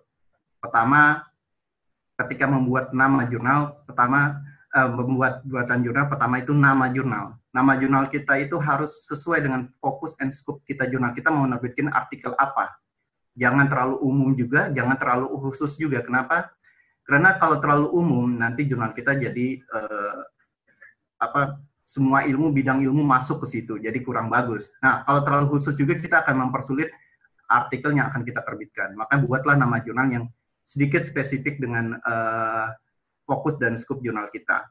Dan kedua, sesuaikan jurnal nama jurnal ini harus akte lahir yaitu ISSN online dan ISSN uh, harus sesuai. Yang kedua, tim editor. Kita harus juga mem, uh, menyiapkan tim editor, menentukan tim editor sebaiknya minimal mem pernah mempunyai terbitan jurnal nasional dan mampu bekerja di luar jam kerja. Kenapa saya bilang mampu berkeluar di, uh, di luar jam kerja? Karena jurnal ini pekerjaannya uh, pasti sering kali dikerjakan di luar jam kerja. Nah, makanya kita harus mencarikan uh, membentuk tim editor yang sangat siap untuk uh, bekerja di luar jam kerja. Ketiga, melakukan kerjasama. Nah, tentukan kita ingin ketika membuat jurnal kita tentukan asosiasi keilmuan mana yang akan kita uh, kerjasama membuat MOU. Kenapa? Karena ini salah satu nilai untuk meningkatkan jurnal kita. Tanpa tanpa kita melakukan kerjasama sama as, dengan asosiasi, uh, ada miss nilai yang akan kita tidak dapat di dalam proses akreditasi. Nah, reviewer jurnal, usahakan reviewer yang bekerja 50% dari jurnal reviewer itu yang ada mempunyai ID Scopus. Jadi kita punya misalnya reviewer hanya minim uh, hanya 10 atau 15. Tapi usahakan dalam, dalam 15 itu 50 persennya itu mempunyai ID Scopus. Kenapa? Karena uh, jurnal jurnal itu akan dilihat backgroundnya di depan uh, kulitnya akan dilihat siapa reviewer yang bekerja gitu. Apakah benar-benar bagus atau tidak. Lebih meyakinkan karena akan lebih meyakinkan jurnal tersebut. Kelima jumlah artikel terbitan di tahap awal, uh, ketika kita menerbitkan artikel, kita harus menentukan artikel berapa artikel terbitan kita. Misalnya, kalau di dalam persyaratan uh, akreditasi itu lima artikel minimal, lima artikel per terbit. Jadi kalau misalnya satu tahun dua kali terbit berarti 10 artikel. Nah, kita usahakan uh, artikel kita berapa uh, batas maksimal uh, daya tampung kita, daya usaha kita. Kalau misalnya kita uh, usaha kita di batas minimal ya udah kita terbitkan terbitkan aja lima artikel uh, terlebih dahulu supaya uh, terakreditasi Sinta baru nanti kita akan naikkan grade Sintanya. Nah, usahakan 40 persen internal atau 60 persen eksternal. Kenapa kata saya seperti ini? Karena nanti akan artikel terbitan ini akan berasa lokal, regional, uh, lokal, nasional, regional, internasional, mana yang kita pilih. Karena kalau misalnya kita terbitkan dari dalam saja, misalnya dari institusi internal kita saja, itu nilainya sangat minim atau tidak dapat nilai. Tapi kalau kita terbitkan secara uh, nasional, regional, atau internasional, nilainya akan lebih bagus. Nah, dan dalam satu uh, tahun minimal dua terbitan. Jadi nggak bisa kita satu tahun itu satu kali terbitan untuk proses akreditasi tidak bisa. Jadi uh, dua terbitan. Keenam, uh, layout artikel jurnal. Nah, banyak sekali layout artikel jurnal ini uh, tidak sesuai standar jurnal online. Kenapa? Karena jurnal kita ini sekarang gayanya sudah online. Jadi jangan sampai uh, artikel kita kita layout dengan gaya jurnal offline yang di mana informasi tentang ISSN, informasi tentang DOI, informasi tentang uh, volume berapa, nomor berapa, uh, itu tidak ada di dalam uh, layout atau judul sirahan uh, artikel tersebut. Misalnya URL artikelnya tidak ada, alamat DOI-nya tidak ada ketika di-download dan lain sebagainya. Itu jangan sampai makanya kita buat layout artikel itu sesuai dengan standar. Nah, ketujuh etika publikasi. Nah, etika publikasi harus tercantum dalam jurnal kita, uh, jurnal online kita, berapa persen tingkat plagiarismenya yang, yang diterima, berapa uh, dan kedua bagaimana uh, tahapan dari artikel masuk dan sampai artikel terbit. Nah itu. Nah kedelapan ini paling aspek paling penting yaitu IT website jurnal. Dari jurnal online ini aspek yang paling penting karena jantungnya. Jangan sampai kita membuat jurnal online di server yang mati hidup mati hidup dalam tanda kutip. Jadi daya daya servernya itu tidak kuat, jangan sampai. Kenapa? Karena kalau jurnalnya sudah bagus, sudah baik kita mau ganti URL, mau ganti server, ini akan menjadi problem yang yang signifikan yang akan mempengaruhi jurnal. Dan kedua, ini juga akan menjadi problem jurnal itu uh, bisa online terus-menerus karena terkadang kalau misalnya website uh, server yang di uh, internal institusinya tidak baik, itu misalnya tidak bisa menerima 100 kunjungan sekali uh, sekali klik, ini akan ber, akan uh, akan memperlambat kinerja jurnal, apalagi servernya lemot dan lain sebagainya. Ini akan mempengaruhi beban editor atau reviewer. Makanya kita uh, tentukan server jurnal kita itu mau uh, di mana dan sudah kuat atau belum. Nah, kesembilan terakhir support pimpinan institusi. Nah, ini tanpa adanya support pimpinan, jun, tahap pembuatan jurnal itu tidak akan mungkin terjadi. Tidak akan, uh, bukan tidak akan mungkin terjadi, tidak akan bisa uh, nyaman intinya. Makanya kita harus mendapatkan dukungan pimpinan dahulu untuk dalam uh, tahapan pembuatan awal jurnal. Nah, sembilan, sembilan poin inilah yang yang akan menjadi titik penting dalam proses awal, strategi awal dalam proses uh, ada uh, the next bu, uh, Bu Nur. Nah, jadi sembilan, sembilan tadi uh, posisi penting dalam pembuatan awal jurnal. Jangan sampai kita uh, terluput dari sembilan poin itu. Nah, yang kedua, ketika kita sudah membuat jurnal, maka kita mengalami bagaimana jurnal kita ini harus dikenal. Pertama dikenal Google, terus kedua dikenal oleh banyak orang dan lain sebagainya untuk menjaring naskah. Sebelum melakukan promosi jurnal secara online, usahakan halaman jurnal kita itu harus dikelola, yang kita kelola harus memiliki komponen-komponen informasi dengan baik di antaranya. Coba Bu Nur, uh, klik. Nah, pertama, eh, scoop MN scoop jurnal kita, editor kita, impact factor kita itu harus harus ada. Nah, ini informasi pertama itu harus ada. Kedua, author guideline, yaitu uh, tata cara penulisan kita, manuskrip kita, dari tahap submit dan proses review hingga tahap produksi itu berapa lama dan lain sebagainya itu harus ada harus jelas. Ketiga informasi kebijakan apa uh, proses peer review atau jenis prosesnya apakah double blind atau single blind dan lain sebagainya itu harus jelas. Keempat, kebijakan etika publikasi harus ada di preview online-nya. Kelima, apakah ada promosisan biaya artikel? Jangan sampai penulis ini merasa terbohongi. Kadang-kadang uh, saya uh, beberapa pengelola jurnal uh, tidak dicantumkan. Pertama tidak dicantumkan misalnya di di halaman websitenya uh, free.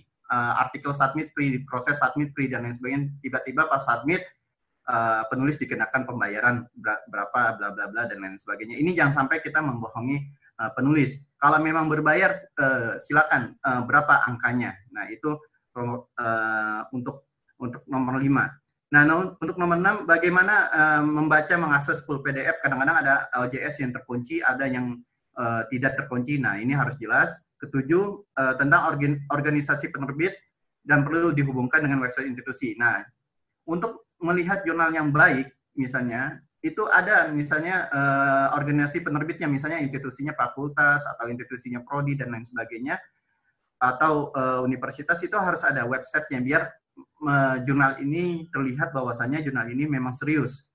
Nah, kedelapan ada informasi spesial isu jika ada. Nah, spesial isu misalnya jurnal-jurnal ini misalnya yang sudah Sinta 2 ingin membu uh, membuat spesial isu, makanya dia harus uh, menampilkan informasi spesial isunya.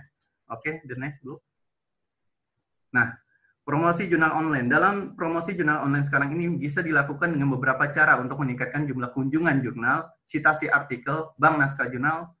Dalam proses ini bisa berhasil jika seluruh pengelola jurnal berperan aktif dalam melakukan promosi jurnal. Jadi dalam promosi jurnal online ini bukan single bukan single factor, bukan editor in chief-nya aja, bukan asisten editornya aja yang bekerja, tetapi semua yang terlibat di dalam uh, uh, sistem jurnal ini harus berikut serta dalam uh, proses uh, promosi jurnal. Kenapa? Inilah tahap awal kita untuk dikenal. Karena kalau kita single factor hanya sendirian yang uh, promosi dan lain sebagainya ini sangat minim sekali kemungkinan kita mendapatkan hasil yang baik. Oke, okay, uh, klik. Gunur. Oke. Okay. awal ketika kita sudah terbit, satu terbitan saja, kita sudah terbit satu terbitan aja, Tahap awal kita yaitu satu, indeksasi ke lembaga pengindeks jurnal, baik nasional ataupun internasional. Kalau kita sudah punya satu terbitan. Nah, ini kita lakukan kenapa? Karena kita harus uh, jurnal kita ini harus terdaftar di perpustakaan-perpustakaan online yang ada di uh, di di di internet untuk dikenal misalnya untuk dikenal jurnal kita misalnya Google Scholar, DOA, J Garuda, WOS, EBSCO, ERIC dan ProQuest dari minimal kita submit sampai yang yang bagus kalian itu kita tahap awal uh, promosi melakukan indeksasi. Jadi tanpa tanpa proses indeksasi kayaknya sulit jurnal ini untuk bisa dikenal banyak orang. Kedua click and share. Nah ini yang sering dilakukan oleh para pengelola jurnal. Jadi uh, para pengelola jurnal aktif uh, membuat kalau paper di media sosial dan juga aktif men-share terbitan-terbitan yang dia terbitkan terbitkan di jurnalnya untuk apa? Untuk mendapatkan kunjungan, kunjungan jurnal, kunjungan ke dalam jurnalnya. Karena kunjungan ini dinilai dalam proses akreditasi nanti. Jadi kunjungan dinilai, citasi artikel juga dinilai. Kalau kita misalnya memaksimalkan click and share di media sosial, WhatsApp, uh, Telegram dan lain sebagainya, dan Facebook dan Twitter, ini sangat baik. Penga, uh, apalagi mahasiswa juga uh, sering kita share di grup-grup mahasiswa untuk untuk mengunjungi minimal membaca judul lah minimal untuk membaca judul atau abstrak uh, siapa tahu dia uh, tertarik untuk menjadikan uh, apa beberapa artikel menjadi referensi jurnal. Kenapa? Karena terkadang mahasiswa ini masih masih minim pengetahuan tentang jurnal. Nah, inilah yang kita kewajiban kita untuk berperan aktif untuk men-share terbitan-terbitan uh, jurnal kita. Next, Bu. Nah, review naskah jurnal. Hal yang paling mudah untuk meningkatkan citasi dan kunjungan jurnal adalah mengharuskan para akademisi uh, dalam kurung mahasiswa untuk membaca dan mereview naskah jurnal tersebut dalam kajian aktivitas akademiknya. Nah, ini nomor tiga ini masih minim dilakukan oleh editor uh, oleh dosen-dosen uh, akademik kita yang kenapa? Karena eh, pertama meningkatkan jurnal di dalam institusinya juga untuk menjadi tingkat keterbacanya tinggi dan tingkat uh, jurnal itu menjadikan dijadikan referensi menjadi tinggi. Bukan jurnal kita saja, tapi kita juga mengenalkan bagaimana cara mencari artikel dan cara mencari uh, referensi dan lain sebagainya. Ini uh, sangat membantu uh, karya tulis ilmiah mereka. Kenapa? Karena secara tidak langsung uh, skripsi skripsi atau tesis uh, para mahasiswa masih minim uh, dari kajian jurnal masih minim. Kenapa? Karena tidak tahu cara mencarinya. Nah ini kita uh, dengan bagaimana cara mereview naskah, cara mengambil sebuah referensi dari sebuah jurnal ini menjadi tanggung jawab sebuah tanggung jawab dosen untuk bagaimana mengajari mahasiswa tersebut. Keempat, nah tampilan OJS tampilan OJS ini tidak menutup kemungkinan tampilan OJS menjadi daya tarik.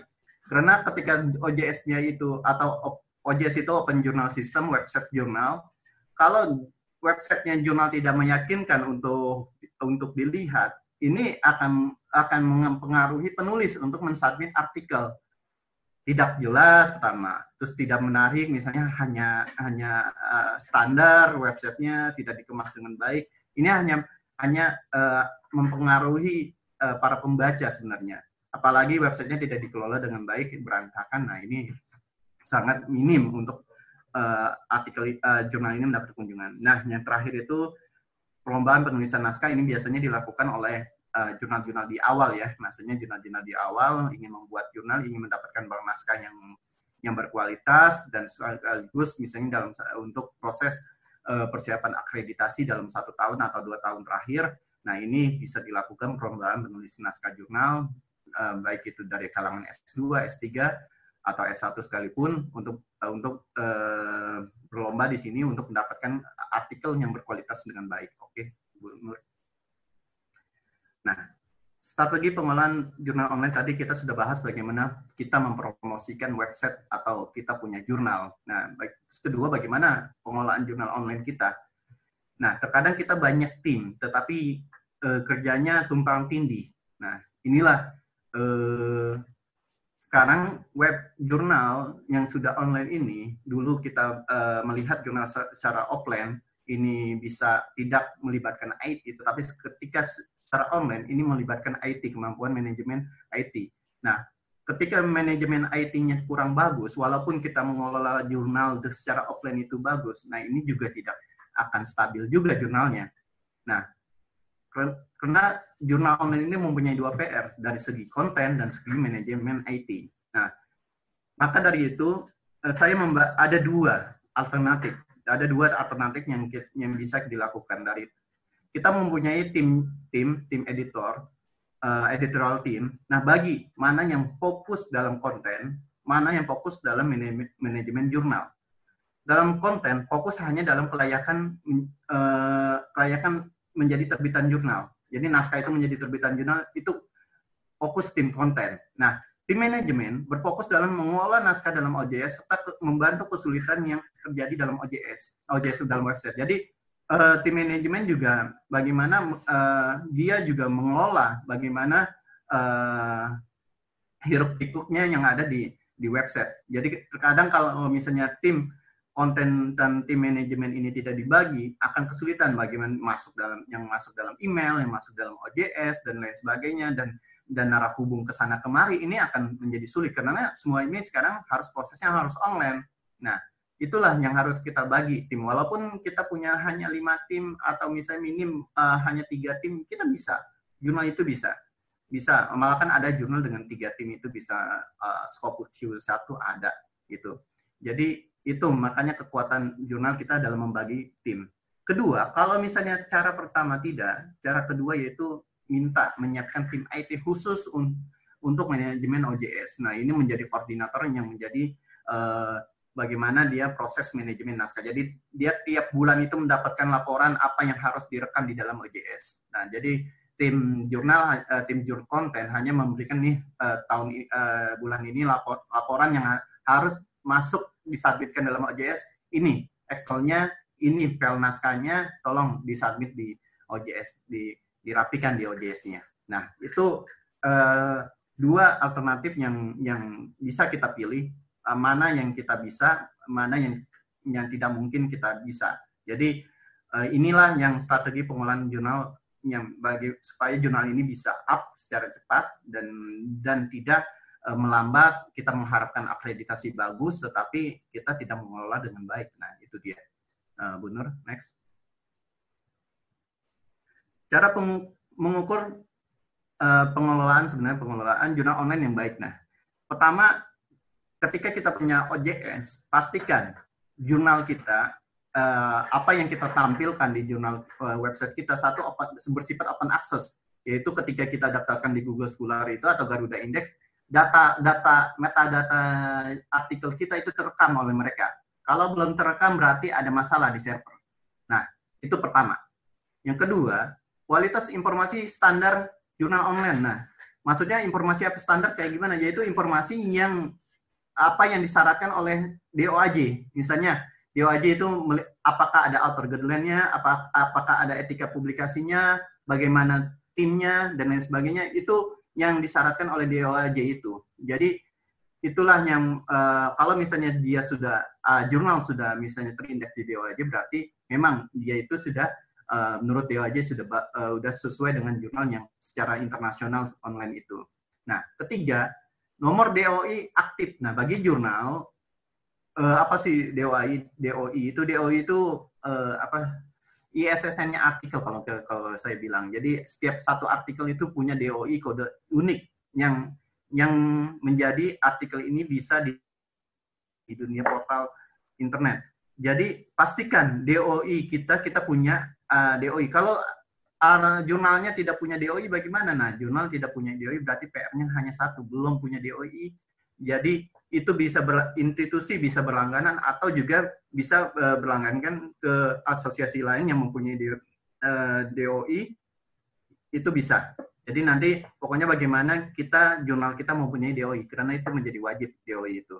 Keempat, layout artikel standar jurnal online yaitu punya nama jurnalnya ada, volumenya ada, nomornya ada, setiap uh, setiap satu layout artikel, halaman artikel, URL portal jurnal, DOI artikel dan ISSN. Nah ini untuk apa? Supaya nanti ketika artikel itu di print uh, lewat uh, uh, lewat di print, di download dan di print itu semua semua informasi tentang jurnalnya itu ada gitu. Jangan sampai nggak ada gitu.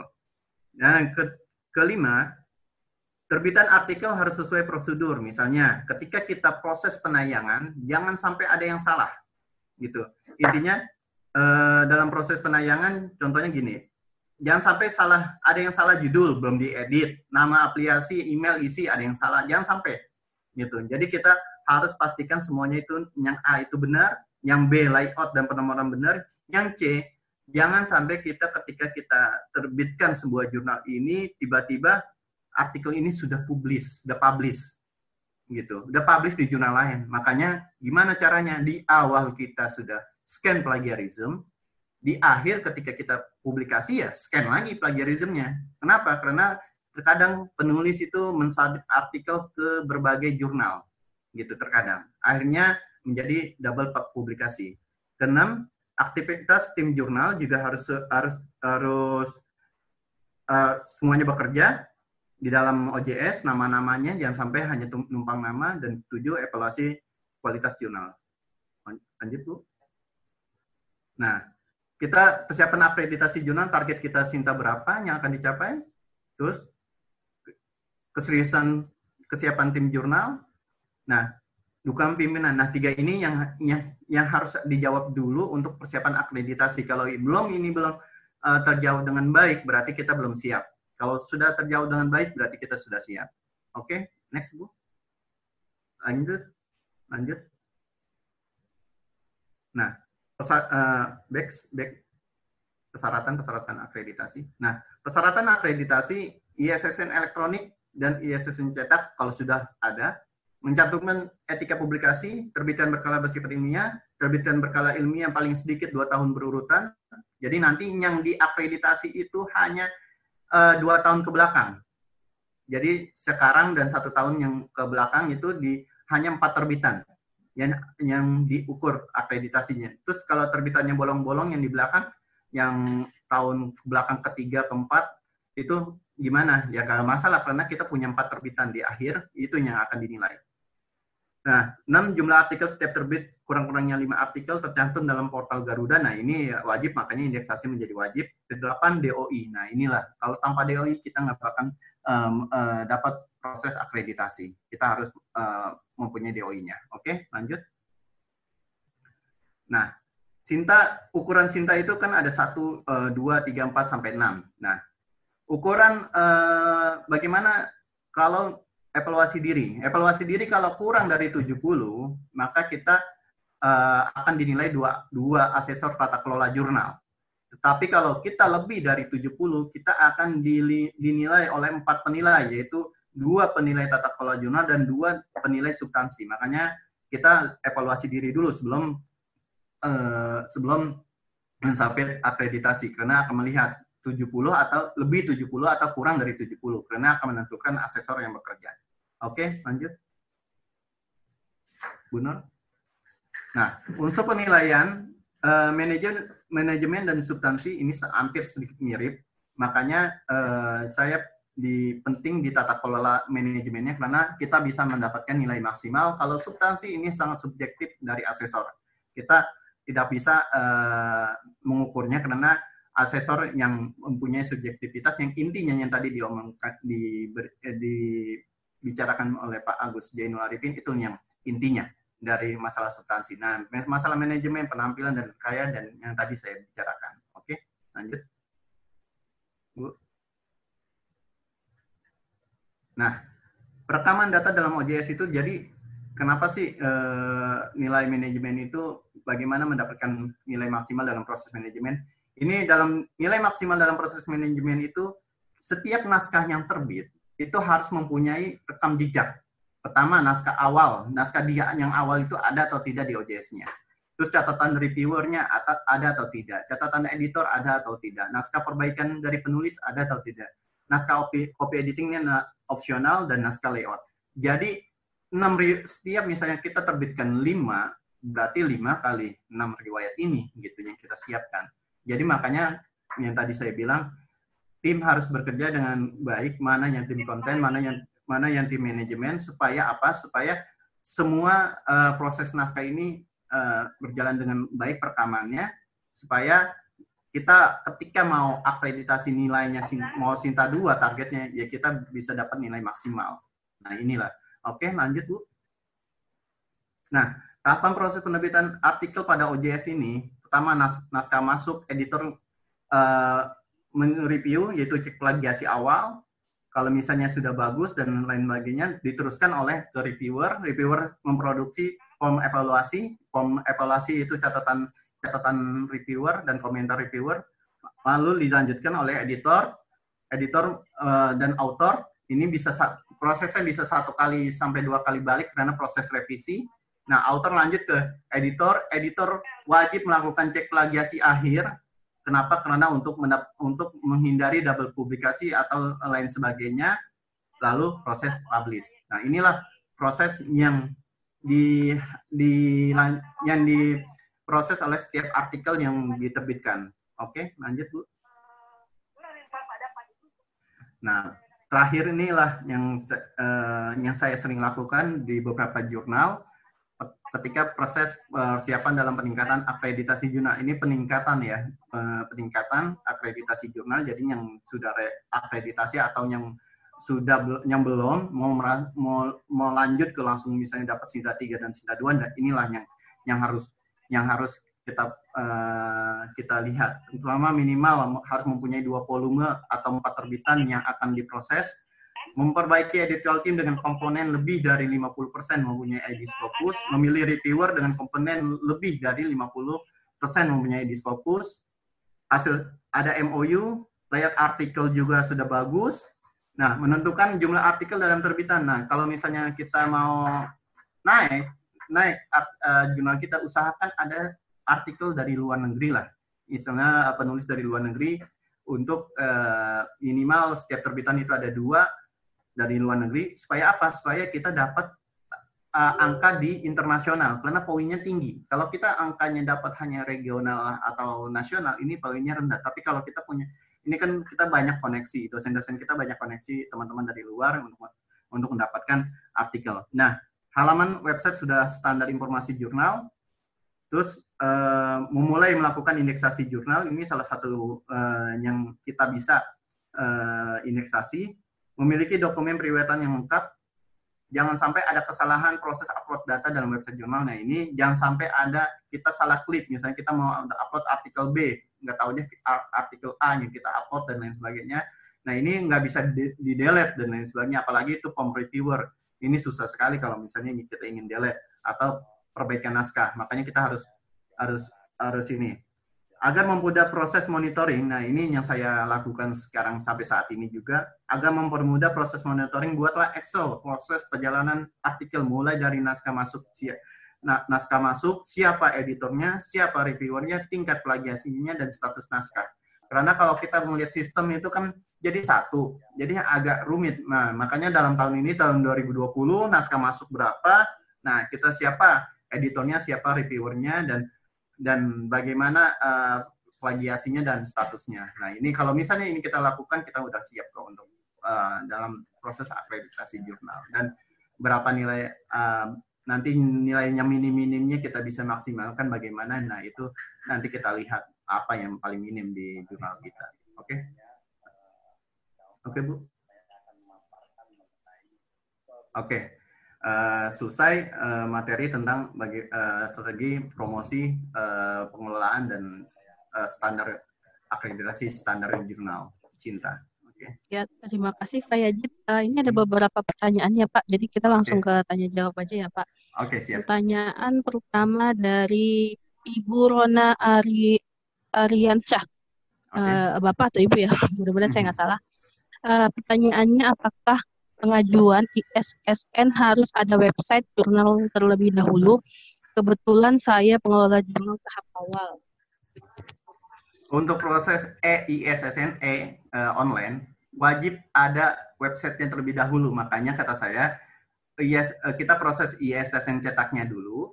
Kalau cetaknya sudah dapat, kita publikasikan artikel kita dengan ISSN cetak, baru kita uh, kita pengajuan dengan ISSN online.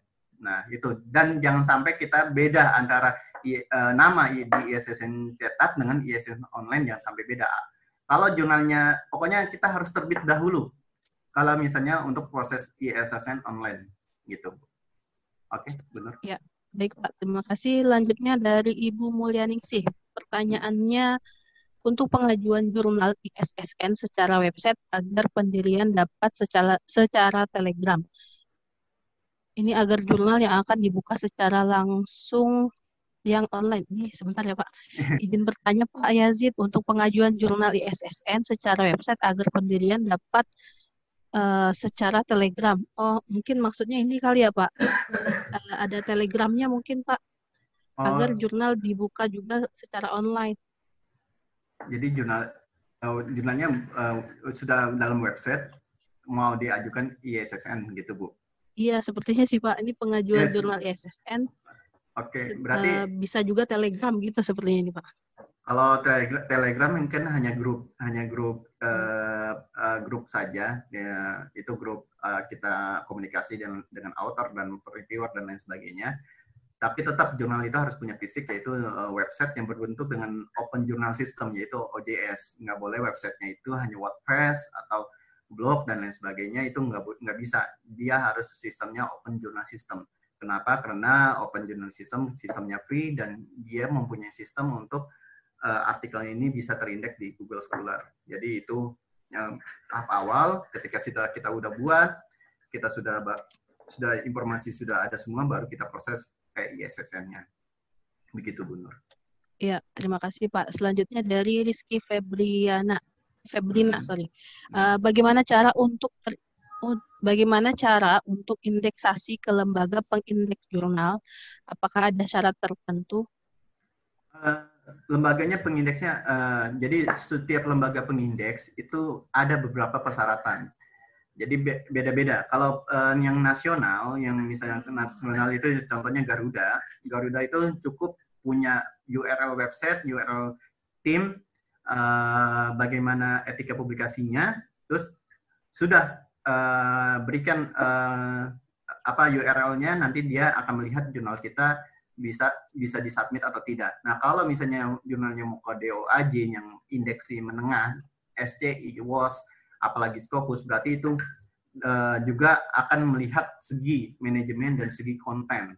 Nah, itu yang akan dilihat. Kalau misalnya DOAJ, misalnya kita terbit uh, 10 artikel, berarti review, uh, reviewernya dan timnya itu harus ada 20. Kenapa? Karena satu artikel itu harus ditangani dua orang. Nah, itu salah satu persyaratan unik dari DOAJ. Nah, kalau SCI, nah, SCI atau WOS itu bagaimana? Berarti dia akan melihat dari segi konten, kontennya masuk gak dalam uh, science dia gitu. Kalau Scopus akan melihat dari segi apa academic contribution, daya jual jurnal kita, terus uh, lim, apa kontributor jurnal kita siapa saja dapat lima benua atau tidak. Nah itu uh, beda-beda. Jadi tergantung bagai uh, indeksasinya, siap, uh, tahap awal, menengah dan atas. Nah, tahap awal hanya informasi, tahap menengah manajemen dan atas ini semua konten dan akademik semuanya. Oke, Bu Nur. Ya, terima kasih Pak. Uh, pertanyaan berikutnya dari Pak Nuhan. Berapa orang idealnya untuk pengelola jurnal online, Pak? Uh, untuk ideal pengelola jurnal online ini uh, biasanya nggak lebih uh, minimal itu lima orang minimal lima orang editor in chief dua or dua orang uh, konten uh, dua orang manajemen gitu ini untuk men yang menjadi otak di dalam manajemen. Nanti dia akan bekerja sama di eh, oleh editor eksternal, misalnya eh, editorial board yang dari berbagai institusi. Nah itu bisa menjadi bagian dari proses re uh, reviewer dan lain sebagainya. Nah, tetapi untuk timnya, tim intinya itu minimal lima tim intinya. Tapi kalau misalnya yang tim reviewer dan lain sebagainya itu bisa lebih dari dari lima. Saya sarankan kalau reviewer 10 minimal. Kenapa? Karena uh, supaya uh, nilai jurnal kita itu lebih baik gitu. Oke. Okay. Oke, okay, terima kasih Pak. Uh, selanjutnya pertanyaan dari uh, Bapak Rizky Febrina. Uh, cewek cowok ya. Uh, bagaimana cara untuk indeksasi? Oh ini udah ya tadi ya. Bagaimana cara untuk indeksasi ke? Oh ini sudah Pak maaf Pak. Uh, yang ini Pak Mufti Arif. Pertanyaannya apakah ada batasan maksimal jurnal artikel di setiap terbitan jurnal dan batasan plagiasi berapa persen? Oke. Kalau untuk batasan berapa? Eh, batasan minimal. Tadi kan kalau minimal kita terbit dalam satu terbitan dua tahun, jadi satu terbitan itu minimal lima. Kalau maksimalnya berapa itu tidak tidak tidak tidak terhingga berapa maksimalnya karena hanya di peraturan LIPI apa uh, Ristek Dikti hanya melihat minimal lima gitu. Nah, kalau maksimal terserah, kalau sanggupnya 30, 40, itu setiap terbitan terserah, tergantung berapa kuat timnya. Nah, berapa tingkat plagiarismnya? Nah, ini tingkat plagiarismnya beda-beda. Biasanya kalau ilmu sosial itu di bawah 30%, jadi maksimal itu 30%. Dan kalau misalnya ilmu sains biasanya 20, ada juga yang menerapkan sampai 10% gitu. Itu beda-beda, tapi uh, biasanya jurnal itu yang ilmu sosial humaniora dan lain sebagainya itu 30 30%. Itu uh, plagiarism yang uh, bisa ditolerir oleh uh, publikasi gitu. Bu Nur. Ya, terima kasih Pak. Selanjutnya dari Pak Fuad, pertanyaannya syarat penting untuk jurnal nasional diajukan menjadi jurnal Scopus atau IS. Oke. Okay. Jadi ketika kita bicara Scopus, kita bicara tentang uh, bagaimana daya jual jurnal kita. Academic contribution kita di jadi gini, artikel yang kita publikasikan semuanya di jurnal kita, apakah mempunyai dampak akademik? Jadi jurnal kita juga pernah disitasi oleh artikel yang yang terbit di Scopus. Kalau kita minimal berapa? Minimal kita lihat 25. Kalau kita artikel jurnal kita sudah lebih dari 25 uh, eh, tersitasi oleh jurnal oleh artikel yang terbit di Scopus, itu kita uh, bisa uh, untuk melihat untuk PD menjadi bahwasannya kita punya academic contribution. Kedua, tim tim kita harus dari lim, uh, lima benua berbagai negara yang berkontribusi dalam proses review atau proses editor atau juga proses naskah terbitan naskah. Nah itu itu menjadi menjadi menjadi juga lihat daya jual juga. Terus ketiga, nah konten naskah harus sesuai dengan uh, scope kita, jangan sampai uh, melebar ke mana-mana dan juga jangan sampai kecil tetapi uh, artikel kita yang melebar dan dan itu um, sangat rigid sekali Scopus. Jadi kalau kita ditolak, kita bisa dua tahun atau tiga tahun lagi baru bisa mengajukan. Kalau ditolak lagi ya terus begitu terus. Jadi uh, kalau Scopus kita sudah bicara tentang bisnis sebuah jurnal gitu. Itu dia. Oke Pak, terima kasih Pak. Uh, selanjutnya pertanyaan dari Pak Adrian. Pertanyaannya, saya pengelola jurnal yang baru mengajukan ISSN ke LIPI. Apakah nanti sebagai pengelola jurnal saya bisa mendapatkan KUM? Nah, ini kalau masalah tentang KUM ini kan angka kredit ini nanti SK jurnal itu bisa menjadikan uh, proses SK jurnal, SK tim jurnal itu bisa jadi kum kalau uh, kalau mau diajukan itu gitu Bu Nur. Oke Pak. Hmm. Uh, selanjutnya dari Pak Yosi Mardoni. Pertanyaannya bagaimana pengaruhnya terhadap akreditasi jika dalam satu isu jumlah artikel yang terbit berbeda-beda? Oke jumlah batas uh, artikel isu tiap terbit berbeda-beda ini uh, jangan sampai gini ya. Kalau misalnya terbitan awal 5, terus nomor 2 jadi 10, ini jangan sampai loncat seperti itu. Tapi kalau misalnya terbitan awal 5, terus terbitan kedua 7, ini boleh. Jadi nggak nggak nggak nggak loncat terlalu jauh. Jadi jangan sampai kayak gitu. Nah, saya sarankan untuk merubah uh, merubah gaya uh, layout dan juga jumlah artikel, ubahlah ketika volume telah selesai. Jadi misalnya satu volume awal ini satu volume nomor satu uh, nomor satu 2020 volume satu nomor satu 2020 itu dengan lima artikel berarti total terbitan 10 artikel. Nah, volume 2 mau dinaikin. Uh, volume 2 uh, eh, nomor satu dan nomor 2 di 2021 itu naik jadi setiap terbitan menjadi uh, 10 atau menjadi 15 ini nggak nggak salah. Jadi perubahan itu harus harus pas volumenya gitu. Harus volumenya selesai baru boleh merubah merubah layout, merubah uh, gaya gaya apa uh, jumlah artikel itu harus diubah setiap volume telah selesai. Saya sarankan. Oke. Oke, Pak. Terima kasih. Ya. Selanjutnya pertanyaan dari Pak Rahmat. Pak masih banyak nih, nggak apa-apa ya. ya. Mudah-mudahan waktu kita cukup. Cukup. Ini, uh, Pak Rahmat uh, pertanyaannya untuk BOAS, Prokes, uh, Kopernikus dan lain-lain itu biaya pendaftaran atau menjadi indeks pembayaran berapa ya Pak? Kalau DOAS dan indeks kalau aja itu free, gratis. Kalau indeks Kopernikus itu ada ada jalur cepat evaluasi itu kena bayar, tetapi ada proses yang biasa yaitu standar itu gratis. Nah, Scopus itu gratis, WOS gratis. Jadi tidak ada indeksasi yang berbayar gitu. Jadi indeksasi ini kita sama juga kita menawarkan jurnal kita ke penerbit. Nah, nanti penerbit melihat apakah jurnal kita layak untuk diedarkan ke seluruh uh, perpustakaan online dan lain sebagainya. Kalau kita sudah terindeks di OAJ, kita sudah lebih dari 100 perpustakaan yang online di di luar itu melihat artikel kita gitu itu dia yang saya sarankan kenapa indeksasi menjadi hal menjadi wajib karena nanti dilihat visitor kita visitor kita itu dalam kurun satu tahun kalau mau akreditasi nanti akan dilihat itu jumlah kunjungan uniknya rata-rata itu harus 50 kalau mau nilai maksimal nah jadi kita bagaimana mendapatkan kunjungan satu hari itu dapat minimal 50 kunjungan nah itulah yang menjadi uh, proses gantinya cetak jadi cetak dulu kalau jurnal jurnal cetak akreditasi harus di angka 1000. Nah, sekarang itu dicetak dihilangkan diganti dengan visitor. Nah, visitor itu harus di angka 50 eh, rata-rata per tahunnya gitu. Oke. Okay. Ya. Terima kasih Pak. Uh, pertanyaan berikutnya dari Ibu Siti. Uh, saya pengurus jurnal baru dan sekarang jurnal yang saya kelola uh, mati suri. Jadi terakhir itu terbit 2017. Apakah masih bisa dilanjutkan terbit di 2020? Masih bisa. Masih bisa dilanjutkan terbitannya contohnya ada jurnal jurnal saya itu EduScience.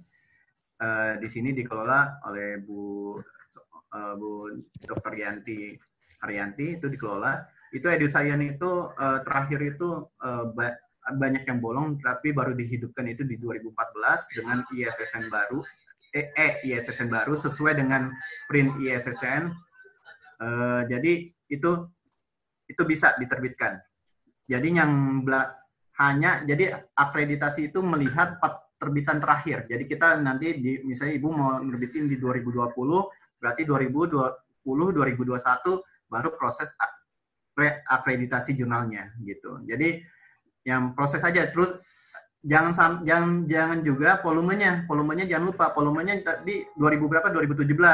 Nah, 2018 volume berapa? 2019 volume berapa? 2000 20. Nah, kita di 2020 ini berarti kita volume berapa gitu. Gitu. Jadi uh, kita meneruskan volume. Nah, yang volume yang kosong ini kita biarkan saja. Uh, kita fokus di volume selanjutnya gitu. Ya. Baiklah. Uh, pertanyaan berikutnya dari Pak Sur Surya Hadi. Dalam pengajuan jurnal menuju terindeks DOAT, sering kali lisensi jurnal menjadi hal yang cukup dipertimbangkan. Bagaimana dalam pemilihan lisensi ini supaya bisa menjadi terindeks Nah, kalau uh, lisensi ini kan kita tergantung pengelolanya bagaimana apakah artikel ini berbayar, tidak boleh di-share sembarangan dan lain sebagainya. Kalau misalnya kita open open artikel, open uh, siapa aja yang baca ya udah ada pilihan CCBY SA atau CCBY NA. Nah, itu yang pokoknya ikuti aja jurnal yang sudah terindeks di DOAJ apa sih lisensi yang dia pakai itu yang kita yang kita kita kita lihat dan kita lihat apa kebijakannya dengan lisensi itu. Nah itu kita tiru. Kalau itu cocok oleh dengan jurnal kita ya nggak apa-apa kita pakai itu. Tapi kalau nggak cocok kita pilih lagi yang lain jurnal yang terindeks di DO aja yang lain apa lisensi yang dipakai misalnya CCBSA. Rata-rata saya CCBSA. Terus teman uh, jurnal yang lain juga ada yang CCBYNA. Ada juga yang yang misalnya yang jurnal artikelnya itu nggak nggak boleh di share karena berbayar ada juga. Jadi tergantung bagaimana jurnal kita. Yang mana yang lebih baik ya bagi harus sesuai kebijakan lisensi dengan kebijakan uh, jurnalnya. Kalau jurnalnya lisensinya berbeda, ini inilah yang akan ditolak. Jadi kita harus sesuai uh, lisensinya gitu. Oke, Bu Nur. Oke, Pak. Pertanyaan berikutnya dari uh, Dokter Bapak Dr. Muhammad Royhan. Pertanyaannya konsistensi penilaian apakah ke kekonsistenan edisi atau jumlah kata keseluruhan. Ini sepertinya konsistensi jumlah kata kali ya Pak? Oke. Penilaian ini, konsistensi. Jadi penilaian konsistensi kan gini ya, ini kadang-kadang eh, seperti eh, setiap artikel terbit itu berapa halaman kayak kayak kayak gitu ya biasanya, atau misalnya berapa kata. Jadi minimal itu misalnya kalau misalnya social science itu kan biasanya kan eh, social humaniora atau science itu biasanya lebih dari 10 halaman. Nah, kalau konsistensinya itu enggak enggak dilihat dari berapa halaman itunya, berapa jumlah katanya yang tidak enggak terlalu dilihat sebenarnya. Yang dilihat itu eh, yang tadi yang dibicarakan oleh eh, Pak Agus uh, itu uh, dari abstraknya, judulnya, uh, kontennya, terus referensinya itu yang dinilai. Tapi kalau jumlah jumlah kata dan konsistensi itu enggak terlalu dinilai. Tetapi ada penilaian tersendiri dari jumlah halaman setiap volume. Misalnya kita minimal kalau mendapat nilai satu poin, jadi setiap satu volume itu harus lebih dari 200 halaman dalam satu dalam satu volume. Kalau kita kurang dari 200 halaman kita nggak dapat poin. Nah kita harus kita uh, men ingin mendapatkan satu berarti dua, harus 200 poin. Kalau kita artikelnya 10 berarti cukup 11 lembar 11 lembar setiap artikel itu bisa lebih dari 200 poin.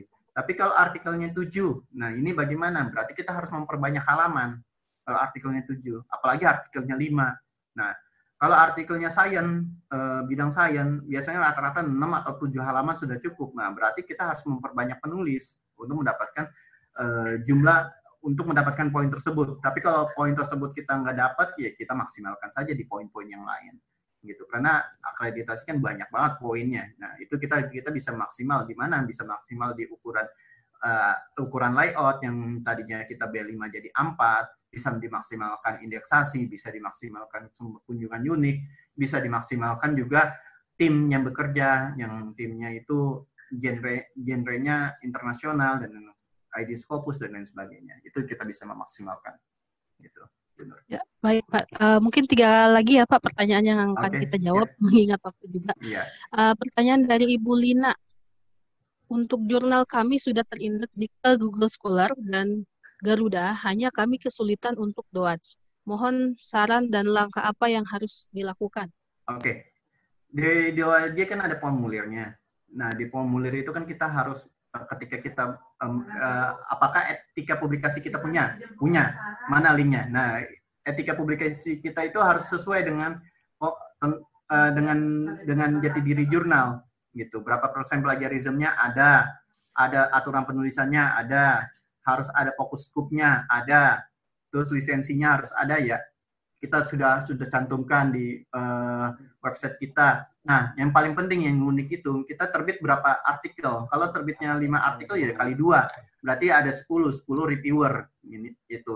Kalau artikel 10 berarti dua harus 20 reviewer yang bekerja di jurnal tersebut untuk mendapatkan uh, grade yang lebih baik gitu.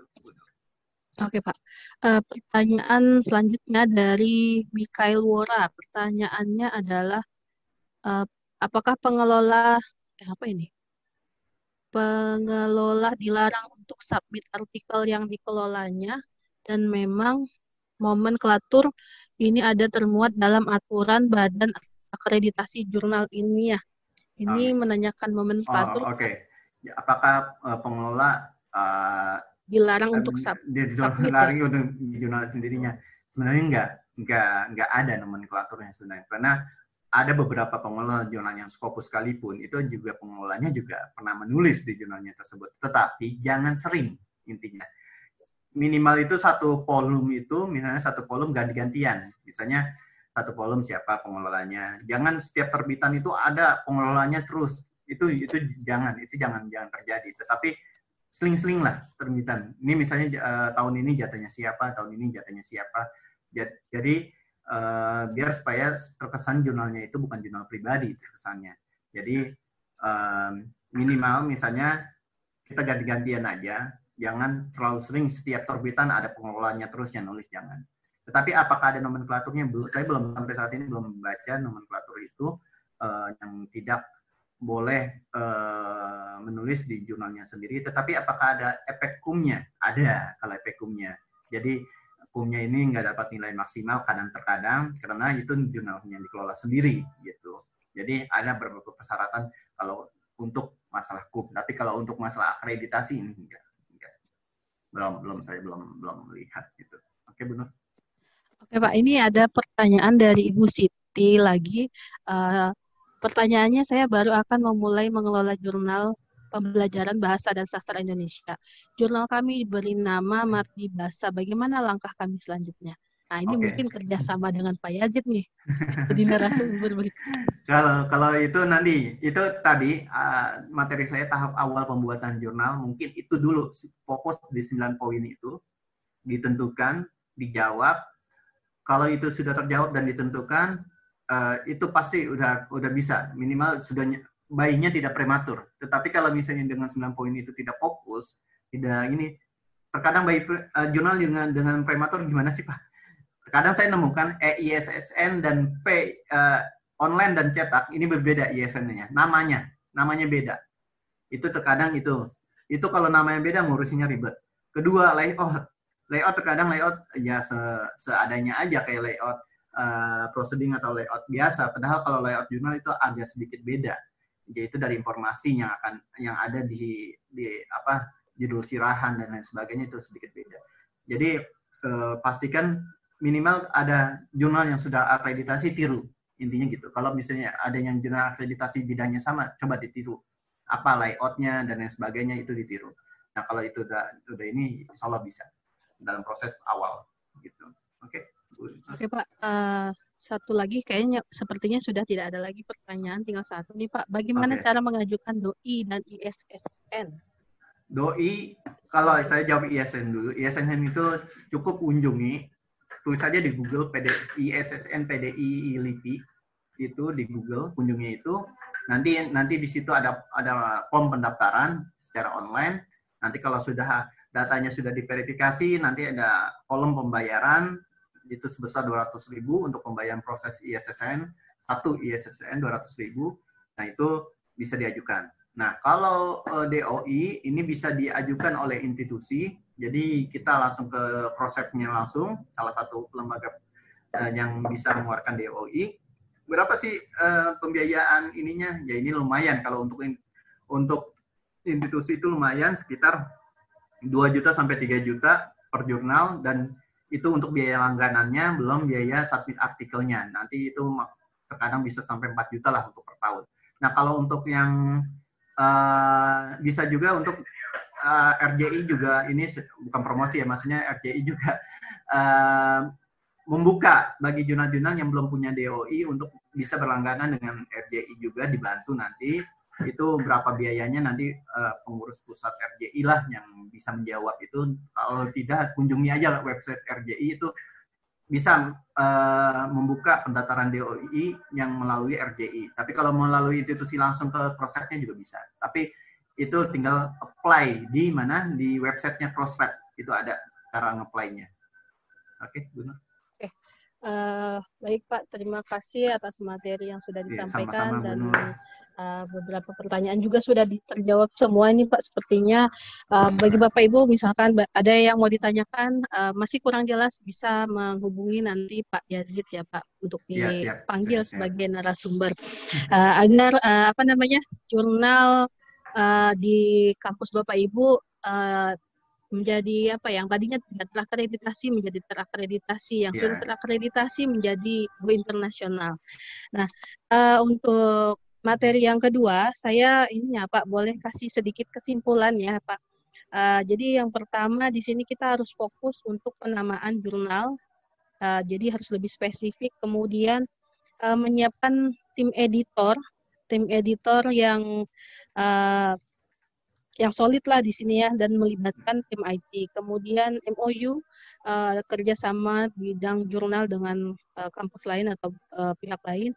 Kemudian 50% reviewernya memiliki ID Scopus dan terbitan jurnal 40% internal dan 60% eksternal. Satu lagi, uh, satu tahun minimal menerbitkan dua jurnal uh, sehingga nanti pada saat akreditasi memudahkan untuk akreditasi. Uh, demikian uh, yang uh, apa namanya kesimpulan yang bisa saya sampaikan Pak. Ya, terima, terima kasih, kasih kepada Bapak Ibu uh, apa serta yang hadir hari ini. Uh, kemudian saya juga ucapkan terima kasih kepada Pak Yazid, eh, Pak Agus, kemudian panitia, uh, Pak Arbain, kemudian Ibu Harisa dan panitia pendukung lainnya sehingga acara ini dapat uh, berjalan dengan uh, lancar. Uh, nanti kita akan ada lagi uh, apa namanya webinar seri keempat di uh, channel RDI lagi. Nanti ketemu lagi ya Bapak Ibu. Terima kasih untuk hari ini. Terima kasih semuanya. Untuk link sertifikat juga sudah ada di uh, forum chat. Link materi sudah ada di forum chat. Nanti silahkan diisi untuk mendapatkan sertifikatnya. Terima kasih Bapak Ibu semuanya. Assalamualaikum warahmatullahi wabarakatuh.